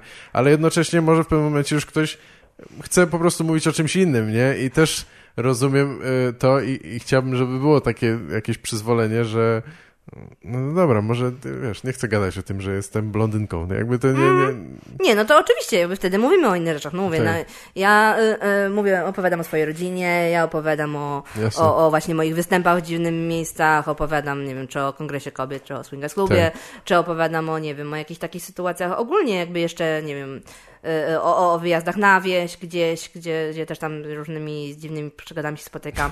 Jak komentuję naprawdę jakieś y, takie rzeczy i to nie jest tylko zawsze powiązane z tym, jak ja wyglądam, nie? Nie, no oczywiście, tak, tak. Więc co wiesz, to. E... Tylko od czegoś muszę wyjść, no. No wiadomo. wiadomo. No. Masz jakiś temat, czy coś, co chciałabyś Wiesz jeszcze co? poruszyć? Nie wiem, jakoś tak ostatnio bardzo często poja- yy, obserwując właśnie tych wszystkich innych stand-uperów, oglądając dużo tych speciali i, i jakby w ogóle postaci komików, i patrząc jakby na swoje własne życie też, na przykład bardzo zaczynam rozumieć te takie podejście, że komik w prawdziwym życiu że zazwyczaj ma depresję, jest człowiekiem bardzo mało rozmownym mhm. albo czymś takim, nie? Tak. Następnie oglądałam wywiad z Rowanem Atkinsonem w Aha. ramach tego, że teraz ten nowy Johnny English wyszedł no i on na przykład powiedział, że jego, jego, jego własna komedia nie bawi.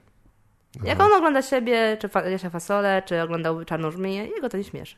Że jak nagrywali Czarną Żmiję i tam było 200 odcinków i chcieli, wiesz, wypuścić e, blooper reel, wiesz, jakimiś wpadkami obsady, tak, nie tak. było ani jednego fragmentu z nim. Nie było nic. On nigdy po prostu nie miał takiego czegoś, po prostu, wiesz, głupawki dostał, czy Aha. czegoś. I faktycznie to jest taki człowiek, który, wiesz, na co dzień po prostu jest, jest po prostu ponury, nie? Rozumiem. I jak się patrzyłam na... Mm, na, nie wiem, czy na, na, na świętej pamięci robi na Williamsa, czy jak się patrzy teraz na to, co Jim Carrey robi. Szczególnie, że on teraz też właśnie w mm, tym, w, na HBO ma ten swój serial e, dotyczący właśnie też jakiejś tam postaci komediowej dla dzieci akurat, która tam ma duże, z dużymi problemami psychicznymi się styka. Tak, nie, nie oglądałem tego. No, w każdym razie, no to jest, to jest ciężki serial, ale mhm. już chyba od paru, mm, w zasadzie no nastu lat już wiadomo, że Jim Carrey równie dobrze się jakby sprawdza w komediach, jak i w dramatach, takich psychologicznych, tak, ciężkich, tak. nie?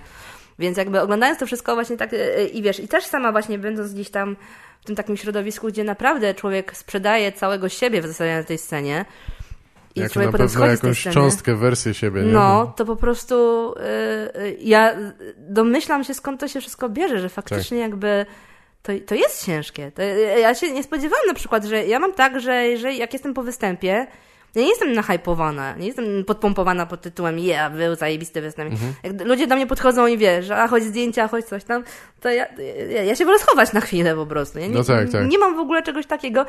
I wiesz, i, i, i też wracam do domu na przykład i sobie to wszystko analizuję i wiesz, i, i faktem w prawdziwym życiu, nazwijmy to, czy w pracy, nie jestem taka heja do przodu, ale to właśnie problem polega na tym, że chyba szczególnie u tych ludzi, że ponieważ ludzie zakładają, świat zewnętrzny zakłada, że my sobie wszystkim radzimy ze śmiechem na ustach i jest pięknie i cudownie, to nawet się nie pytają tak naprawdę, ej, ale czy tak naprawdę wszystko gra na pewno? No tak, Jakby nie, Nawet nie ma takiego założenia, że wiesz, że czy, czy, czy, czy, czy, czy, czy taka osoba po prostu może gdzieś tam czuć tą słabość, tak, nazwijmy to. Jakoś... Myślę, że... Mhm. Tak, no, jest to dosyć mroczny temat i w ogóle tak wiem, że trochę zjechałam z tego, ale, ale y, wydaje mi się, że warto na to zacząć zwracać uwagę, że nie śmiać się z tego jako ze stereotypu, że o, ten śmieszny człowiek to jest, to, to, to na pewno ma depresję. Clown, tak. Tylko mhm. na zasadzie, ale czemu? ale why? Tak. Tak, tak. I, I, wiesz, i, i, po prostu. Ja sama pamiętam właśnie, że jako dzieciak, jak nie wiem, widziałam na przykład, nie wiem, kabaret Otto, nie wiem, w Międzyzdrojach gdzieś tam siedzieli, jedli coś i w ogóle. Ja oczywiście leciałam, Boże, autograf kabaret Otto, cudownie, dlaczego wy nie jesteście tacy, tacy happy jak normalnie. I tak sobie teraz myślę, Boże, ty, jak ja bym tej, tej tam, nie wiem, ośmioletniej sobie po prostu w pierdol spuściła za takie coś teraz. Pamiętam, że kiedyś poszłyśmy z koleżankami na ich występ, myśmy były ich ogromnymi fankami właśnie w Pobierowie, poszłyśmy na ich występ. Myśmy kończyły ich puenty. Myśmy siedziały w pierwszym rzędzie i każdy żart żeśmy dokończały. Myśmy były z siebie takie dumne, że my jesteśmy takie zajebiste fanki, mm, bo my tak. znamy ich każdy tekst. Oni wyszli potem, my oczywiście czekałyśmy, żeby sobie zdjęcie z nimi zrobić, oni wyszli tak wkurwieni. Ja się nie dziwię im. Ja teraz się, im, teraz się im nie dziwię. Teraz Wtedy nam się wydawało, tak. że wiesz, że Boże, jakby ktoś po prostu siedział i każdy mój żart dokańczał, to po prostu ja bym chyba wysadziła na miejscu. To, że oni nam pozwolili siedzieć jeszcze w tym pierwszym rzędzie, to to mm. był tylko tak naprawdę ich jakiś ogromny, nie wiem, no, no, no szacunek Taka do publiki. tolerancja, no. Tolerancja ogromna. Tak. I wiesz, i jest tyle takich jakichś właśnie drobnych aspektów tej, tej naszej, że tak powiem, rzeczywistości komediowej, której ludzie się nawet nie spodziewają, że to jest po prostu, e, e, wiesz, ciekawe, żeby zacząć to pokazywać, tak? W zasadzie, e, no właśnie, no, tak. akurat u, u, Gildy to było trochę, jakby ona od samego początku dosyć na, na negatywnych torach wyrosła i dopiero później tam tą komedią sobie radziła z tym. No, no przypadek Williamsa to jest coś podobnego, też na HBO jest fantastyczny e, dokument na temat jego właśnie. Tak, e, fajny. Tego, dlaczego on, właśnie tam się ogląda, obserwuje się te cudowne dwie twarze jego, tak? Tego fantastycznego człowieka, który podczas wywiadów po prostu rozwalał całe studio, a potem jakieś takie zrzutki właśnie, nie wiem, z jakichś jego podróży. Po prostu taki siedział taki poczciwy chłopak po prostu, który mhm. chciał mieć tą chwilę tego spokoju, nie? I w zasadzie, y, no mówię, no ja też mam tak, że w tej chwili y, muszę się na to przygotować po prostu, bo już czuję, że zaczynam gdzieś tam, wiesz, wyłapywać takie momenty, że ktoś gdzieś, wiesz, ja gdzieś, nie wiem, wsiadam, jadę z, z, z ostatnio wracam, wiesz, z, ze spotkania gdzieś tam z kumplami, mm, piliśmy, więc, że tak powiem, wracam taksówką i, I, jestem w nastroju, kompletnie nie jestem w nastroju, nie? Ale taksówkarka mnie rozpoznała i oczywiście wiesz, ojej, Kuś Maria, to pani mam talent, o Boże, mój syn będzie szczęśliwy, może ja muszę sobie zrobić panią zdjęcie, o I wiesz, ja siedzę na zasadzie, dobra, ale jestem teraz w prywatnej sytuacji, tak? Ja, nie no wiem, tak. pokłóciłam się z facetem, cokolwiek, no po prostu chcę być, chcę być po prostu dziewczyną, która nie musi się uśmiechnąć w tej chwili, mm -hmm, tak? Mm -hmm. I to jest takie, takie, takie, y, y, mam wrażenie, że powinno się o tym troszkę zacząć mówić. Powinno się o tym zacząć gdzieś tam może pisać, przedstawiać, nie po to, żeby mm, w żadnym wypadku nie po to, żeby, wiesz, budować jakieś negatywne obrazy. Tylko, wiesz, biorąc pod uwagę, że jeszcze nam trochę brakuje do tego, żeby w Polsce komik stał się elementem tej popkultury, tak? W Stanach już jest tak, że tak naprawdę w tych wszystkich panel showach różnego rodzaju, czy komentatorach jest zawód muzyk, y, aktor, nie wiem, pisarz, komik. I nikt się nie pyta, a jaką, jaki masz drugi zawód, a jaki masz prawdziwą pracę, tak. tak. To nie jest aktor, który wychodzi na scenę czasami powiedzieć monolog komediowy. To jest komik, który czasami zostanie aktorem, tak? To już jest jakby jako funkcja. U nas tego jeszcze nie ma, tak? Tak, ale ja, wiesz co, myślę, że w Stanach też ludzie pytają, bo, bo komików, którzy się utrzymują na, i to jeszcze na lepszej jakiejś dobrej stopie z tego jest, jest tak mało w porównaniu do, do tych, którzy tam, wiesz, robią to na pół etatu, czy po prostu ledwo wiążą końce. Więc myślę, że to. No wiesz, tak samo jak z tymi aktorami, jest- co to pracują jako kelnerzy, No, tak? I ktoś tam, nie to- wiem, w Hollywood jest kelnerem i tak dalej, ale I am also an actor, tak? Tak, No to tam ta, takich też jest, tak? To chyba nie jest dziwne, że, że oni nie są do końca traktowani powa poważnie. Tak, ale są w takiego, ale... subkulturze, tak? Są traktowani jako No zawód. tak, tak, Więc jasne. jest to, wiesz, u nas za jakiś czas może to się pojawi, mam nadzieję, bo no wiesz, no teraz no akurat Abelard wchodzi praktycznie z buta wszędzie, bo tu dopiero co był film, już, Mhm. już tu teraz książka ze Stramikiem, mam nadzieję, że będzie tego więcej, wiesz, e, śmiałam się, bo zwróciłam uwagę na to, że w ostatniej edycji e, amerykańskiego ten, Dancing with the Stars była Nikki Glazer, Aha, tak. ale odpadła w pierwszym odcinku, Oj. ale nie dlatego, że nie była popularna, tylko naprawdę chujowo tańczyła. Aha, no, no, no domyślam się, że to, też- to, to też się liczy. Ona jakby nie? nie za bardzo się do tego nadawała, natomiast wiesz, natomiast yy, no i okazało się, że chyba Abelard też ostatnio dostał propozycję z naszego rodzimego. Tak, do tańca jakby- z gwiazdami? No, no, ale jakby, no, no chyba nie. Yy, byłoby Natomiast, yy, no wiesz, no generalnie chodzi o to, żeby po prostu gdzieś tam faktycznie może zacząć o tym mówić, bo to może kogoś uratować kiedyś, wiesz. Może tak. Może Mamy tak, trochę oczywiście, no warto, warto o tym rozmawiać, no. Mi, mi też, mi się trochę podoba y, ten taki, mimo że taki wcale raczej nie jestem na co dzień taki model z oldschoolowego komika, który zawsze ma dla kogoś, dla każdego ma żart i jak Mhm. prywatnie też jest taki, wiesz, e, że ludzie, znaczy prywatnie, no, bo to też jest jednak, że, że on nigdy nie jest trochę w cywilu, więc on musi być przygotowany na, na to, że ludzie, wiesz, zwracają na niego uwagę i oczekują jakiejś takiej jowialności czy za- zadowolenia, Mhm. ale no oczywiście, że, że masz rację, no ja wolałbym, żeby to było bardziej zno, znormalizowane i żeby nie było, że ludzie by nie byli choć przynajmniej zaskoczeni tym, że ktoś ma ciężkie życie, mimo że zawodowo rozśmiesza, nie? No oczywiście, no wiesz, ym, no ostatnio na przykład, no przykładem takim, ja bardzo często go wspominam, po prostu go uwielbiam jako człowieka, jako komika, no ale Gabriel właśnie Iglesias ostatnio też miał taki, y, że tak powiem, moment, gdzie po prostu on się wyłączył. I to, było- w zeszłym roku. On po prostu w pewnym momencie stwierdził, nie wyrabiam. Nie wyrabiam psychicznie, nie wyrabiam fizycznie, y, nie mam mnie w domu, nie zajmuję się moim dzieckiem, Tak. y, moim synem, nie, nie daję rady po prostu i wpadam w taki po prostu już czarny tunel naprawdę, że, że, że będzie źle. Wyszedł z tego, wrócił na scenę jakby z pełną petardą i obecnie jest bardzo dobrze. Tam wiem, że tam prywatnie mu się trochę pozmieniało.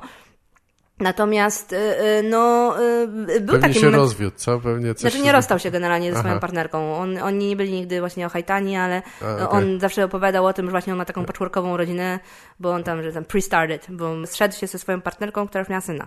Aha. I on tego syna faktycznie, ale najlepsze to, że mimo tego, że oni się rozstali, to on z tym synem nadal, on z nim jeździł w ogóle. Jak był w Europie, Tak. właśnie to on z tym synem był. Już to jest jego nastolatek i w ogóle pamiętam, że chłopaki mu z ekipy organizowali dupeczki.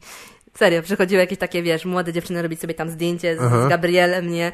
A chłopaki tam z ekipy, tam ten, ten jego supporter e, Alfred i, i fotograf. A, a, a, a to jest właśnie ten, to, to jest właśnie Frankie, to jest jego syn.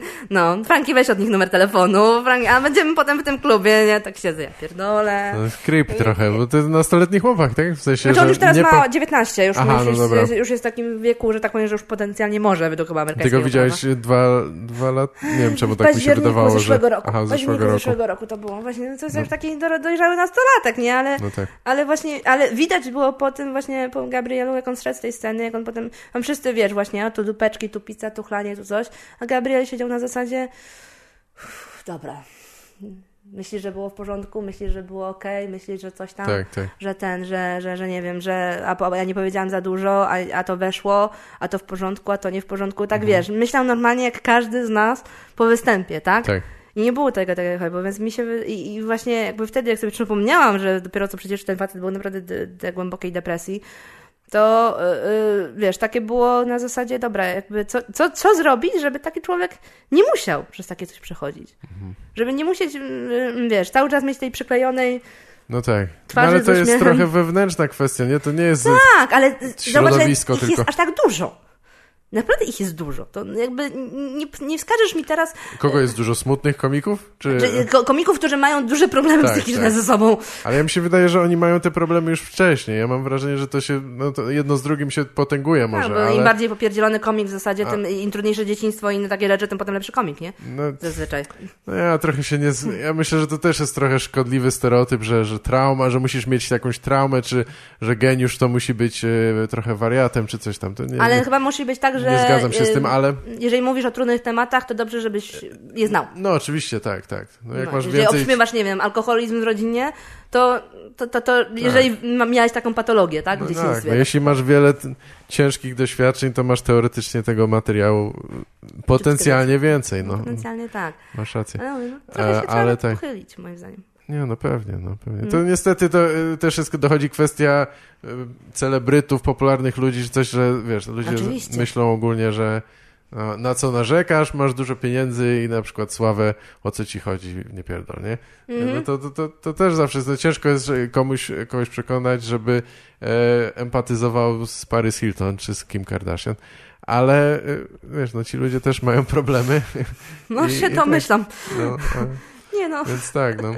Podałem może skrajne przykłady rzeczy. No bardzo. E, niezbyt pozytywnych po, postaci, ale ktokolwiek, kto jakoś jest w publicznym, mm, na publicznym widoku cały czas, no to, to ma też osobliwe problemy, których, których inni nie, nie, nie, nie doświadczają, nie? Mm. E, a co, a bo, bo ty miałeś okazję rozmawiać z Gabrielem Iglesiasem, tak? O, mm. o czym rozmawialiście? Właśnie o tym. Mhm. Właśnie o tym. To, to było naprawdę przemiła rzecz, ponieważ właśnie, no... Ja, ja tam się dostałam trochę no, znowu femińskim jest jedzą, ponieważ ja po prostu yy, byłam w Londynie i byłam na dwóch występach. Najpierw występował Wirdas, który jest takim hinduskim komikiem, który jest świetnym komikiem. Y, jego special na Netflixie mi się strasznie spodobał, a że bilety nie były strasznie drogie, to stwierdziłam sobie, o pójdę go zobaczyć na żywo. Byłam chyba jedna biała na całej widowni.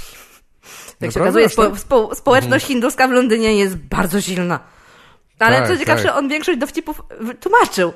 I to najlepsze, że, znaczy, bo, bo wydał dowcipy, y, y, to było tak, że najpierw w ogóle miał support, gdzie był chłopak, który miał bardzo mocny hinduski akcent i niewiele rozumiałam z tego, Aha. ale wszyscy się ryli dookoła, więc zakładam, że był dobry. Okay. No ale Wier ma taki normalny, że da radę go zrozumieć i mówił po angielsku. Tak. Mówił całkowicie, ale czasami ale wtrącał, odnosił tak? się, wtrącał się do jakichś, wiesz, y, nie wiem, jakichś swoich tradycji hinduskich i świąt, i, ale tłumaczył potem. I znaczy, że zarówno to jakby to, co opowiadał, potem to tłumaczenie jakby dla tych białych, non-Indian people, było równie zabawne. Mhm. I to było strasznie fajnie się tego słuchało. No i właśnie jak byłam gdzieś tam tego występ, jego występ był, no to napisałam na fejsie, że haha, przyjeżdżam z Polski, w ogóle będę z Polski, specjalnie przyjeżdżam, żeby Cię zobaczyć. No i jego ekipa facebookowa, bo to nie zakładam, że nie on prowadzi, odpisali, o kurczę, zarąbiście, słuchaj, to jak będziesz na miejscu, to będzie dla Ciebie niespodzianka. No oczywiście niespodzianką było to, że po tym występie poszłam, zrobiłam sobie zdjęcie, pogadałam chwilę. Znaleźliście na Facebooku? Ja myślałem, że to jakoś inaczej się... Nie, nie, nie, znaczy ja napisałam, no ja skomentowałam na Facebooku, Aha, ja po prostu mi odpisali, no nie? No dobra. No, ale on i znowu, od, właśnie po występie, ten taki, wiesz, hype'owy Hindus w ogóle siedział na, wiesz, siedział na fotelu, taki zmęczony i wiesz, ja mówię mu, że super występ, że też jestem komikiem, że bardzo mi się podobało, a on po prostu, wiesz, rączki złożył, taki to był Hindus i dziękuję, dziękuję, dziękuję. To co, zdjęcie sobie zrobimy? Dziękuję, dziękuję, dobra, już idź. no, a z Gabrielem było inaczej, ponieważ ja obserwowałam jakby jego, w ogóle on miał dużo tych programów, on był w Last Comic Stand, on miał własny y, Stand Up Revolution na Comedy Central i on ma taki swój entourage, on miał, ma kilka takich komików, co zawsze z nim jeżdżą właśnie na tak. jako supporty. Nie kojarzyłam, kto z nim, jakby kojarzyłam, kto z nim przyjeżdża. No i wiedziałam, że u Gabriela coś takiego skomentuje, to tam pff, nic nie da. Ale u jego supportera, u Alfreda, e, Rodblesa, już dało radę. Znaczy napisałam na, na Instagramie, napisałam, że juchu, będziecie mnie zarąbiście, nie mogę się doczekać, że was zobaczę obu, bo widziałam twój występ, widziałam Stand Up Revolution, twój... No i Alfred napisał, o super ekstra, to wiesz co, po y, tym, w przerwie wpadnij tam do sklepiku, ja tam będę y, hangout i w ogóle będę z ludźmi. No, super, no tak. podeszłam, faktycznie on zrobił support, potem podeszłam sobie tam do niego. No i generalnie widać było, że facet ma jakby tak troszkę w głowie coś innego niż chyba ja. Ale stwierdziłam, dobra, jedziemy w to, dopóki jestem bezpieczna. Mhm. Zobaczymy, co z tego wyjdzie. No i on potem faktycznie nam gadaliśmy, on tam wiesz, a co robisz, a jak długo będziesz w Londynie. Tak. E, I on mówi, że to po występie czekaj, nie wychodź, jakby nie, nie, nie, nie, nie wracaj do hotelu, czekaj po występie. No dobra, no to czekam. No, bardzo mogę, gadał są przed, przed występem, tak? E, W, wiesz, to w, Na- w przerwie, w między, przerwie, bo on był rozumiem. support, potem była przerwa i potem tak, był. Gabriel, nie? Więc w przerwie, No nie? tak, tak. Eee, no, więc jakby zagrałam troszkę na, mówię, innych emocjach.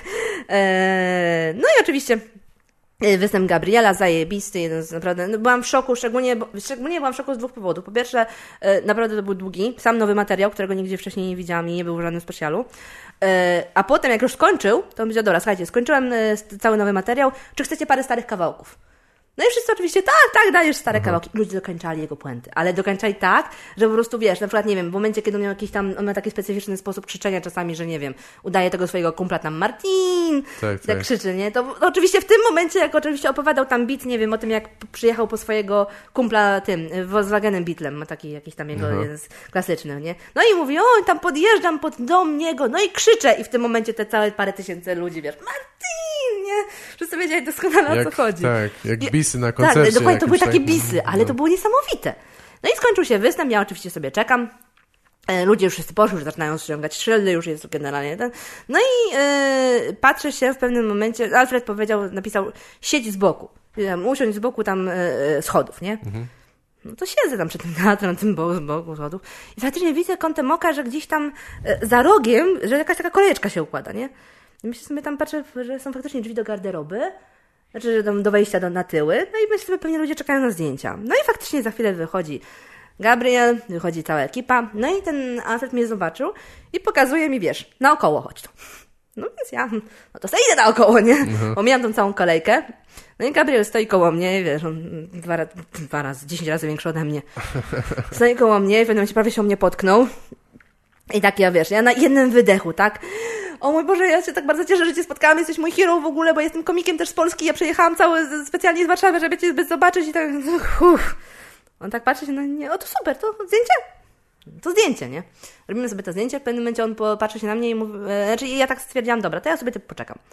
Postoję sobie, zobaczę go, wiesz, stoi tak blisko, parę metrów ode mnie, postoję sobie po prostu taki, taki creep totalny, ale przynajmniej wiesz, no dopóki ostatnia osoba, sobie- nie, osoba sobie nie zrobi zdjęcia, to dopóty mogę stać. No ale ten Alfred tak do mnie coś tam, wiesz, tu wiesz, turchnął coś, coś tam, tak jest, a, a w którym hotelu mieszkasz? Dlatego, okej, dobra, trzeba się trochę jakby wycofać chyba, ale jakby nie, oczywiście powiedziałam daleko, daleko, nie, u kumpla mieszkam w ogóle, nie, u kumpla mieszkam, więc nie, nie ma mnie. W pewnym momencie właśnie tam Frankie był, ta cała ekipa się kręciła, no i skończyła się ostatnia osoba robić zdjęcie, a ja w tym momencie, wiesz, jakby, no dobra, no to idziemy, nie, na razie, fajnie było.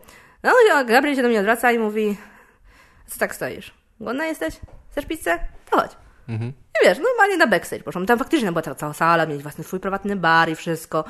I generalnie chłopaki tam, wiele, to zaczęli sobie jakieś tam dupeczki faktycznie się pojawiły, takie bardziej rozegliżowane niż ja nawet, więc raczej się ekipa się nimi zajęła. E, zaczęłam wtedy e, e, gadać, no i Gabriel oczywiście właśnie do mnie, że a, a, a co ty, a czy ten, jesteś komikiem, a co robisz, a jak to wygląda w Polsce? Chcieliśmy przejechać, ale nie było gdzie wystąpić. Wie, kurwa. A za chwilę leci- leciał do Estonii, nie? Tak. I Estonii występ, stadion wyprzedał. No, źle. Nie, nie rozumiem tego, nie rozumiem tego w żadnym wypadku. Tak, I wiesz, i, i, i zaczęliśmy gadać i on właśnie zaczął się mnie pytać, tak? Ja, ja rozumiem, Jak- ale to jak jest odbierasz mój temat wy- na inny dzień. No. No, jak odbierasz mój występ, tak? A czy to ci się, a, a czy, nie wiem, pytał się mnie o konkretne żarty, tak? A czy tu nie za długi wstęp zrobiłem, a coś?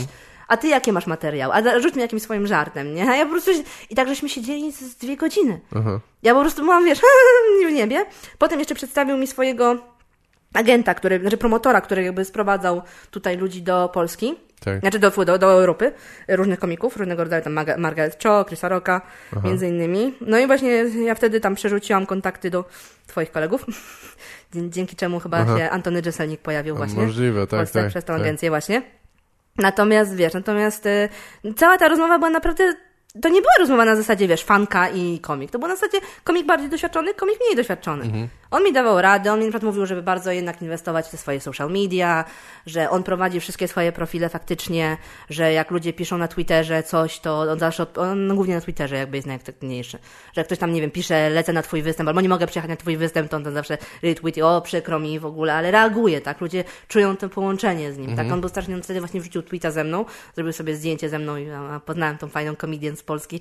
Ja, kurde, żeby jeszcze u nas ten Twitter tak dobrze działał, to może by mi się to przydało nawet, no ale się nie przydało. No tak. No ale, ale jak, wiesz, dla mnie jest fajne, tak, bo się pojawiałam u niego na wallu. No. Natomiast y, no, to, to, to, to było takie właśnie spotkanie, gdzie ja mówię, obserwowałam człowieka, który ja nie wiem, może ja się trochę czuję tak podobna do niego właśnie, bo ja też jestem taka miła, uprzejma, raczej, raczej nie, nie, nie, nie wchodzę w jakieś konflikty bez sensu, no chyba, że z innymi kobietami, jak widać. E, natomiast wiesz, staram się, żeby ten materiał był jakiś taki przyjazny Tak. i w ogóle, i też jestem fluffy, jak on, więc po prostu jakoś tak było fajnie zobaczyć naprawdę kogoś, kto powiedzmy, że przetarł pewne ścieżki. Tak. Bardziej patrzę na niego, jak, jako właśnie na tego przecieracza, nazwijmy to, niż, nie wiem, na jakąś kobietę, tak? Mhm. Bo po prostu to jest podobny klimat. A do tego, no mówię, no, no, no, no fajny człowiek. Yy, yy, liczę na to, że ja taki mam plan, że jeżeli jakimś dziwnym cudem wygram, to mam talent. Aha. Mm, wątpię w to, ale można sobie zawsze pomarzyć. To sobie tak właśnie pomyślałam, że wezmę ten hajs i po prostu wyjadę do Stanów i sobie tak poturuję trochę. Pewnie. właśnie zobaczyć tych moich ulubionych komików na żywca. No fajnie, Za- świetny pomysł. Tak. No, no, może Tam jest jakaś duża nagroda pieniężna, czy 300 ja nie wiem. Czy ile? 300 tysięcy. 300 tysięcy? 300 tysięcy. O Jezus Maria. No tak, można za trzy razy pojechać, nie? Co najmniej. No, tak, znaczy no nie wiem, no st- Stany są drogie, ale oczywiście można podróżować bardzo długo chyba.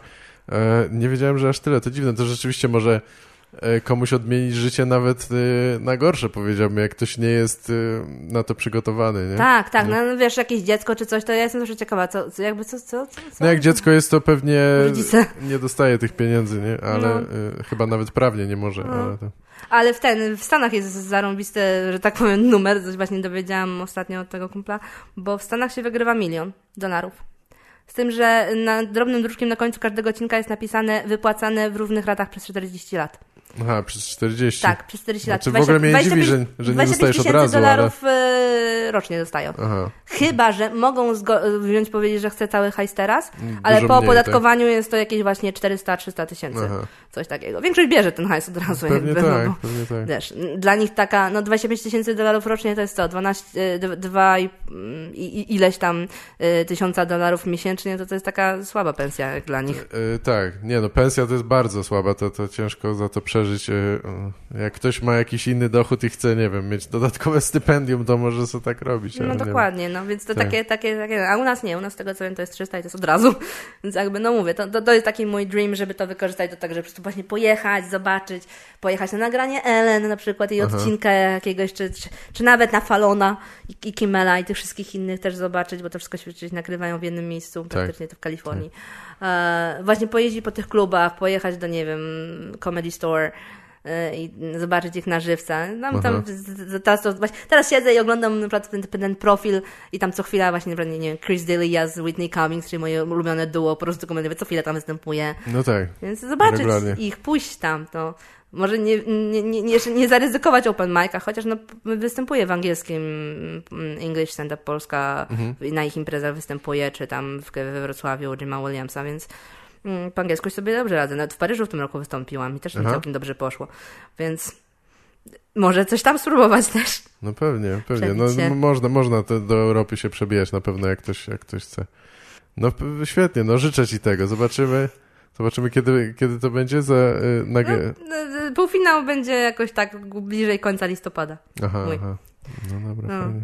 a, a, a, ten. e, Chciałabym przejść głównie do finału, dlatego że finał jest e, pierwszy weekend grudnia, a ja mam bardzo dużo tekstów o grudniu.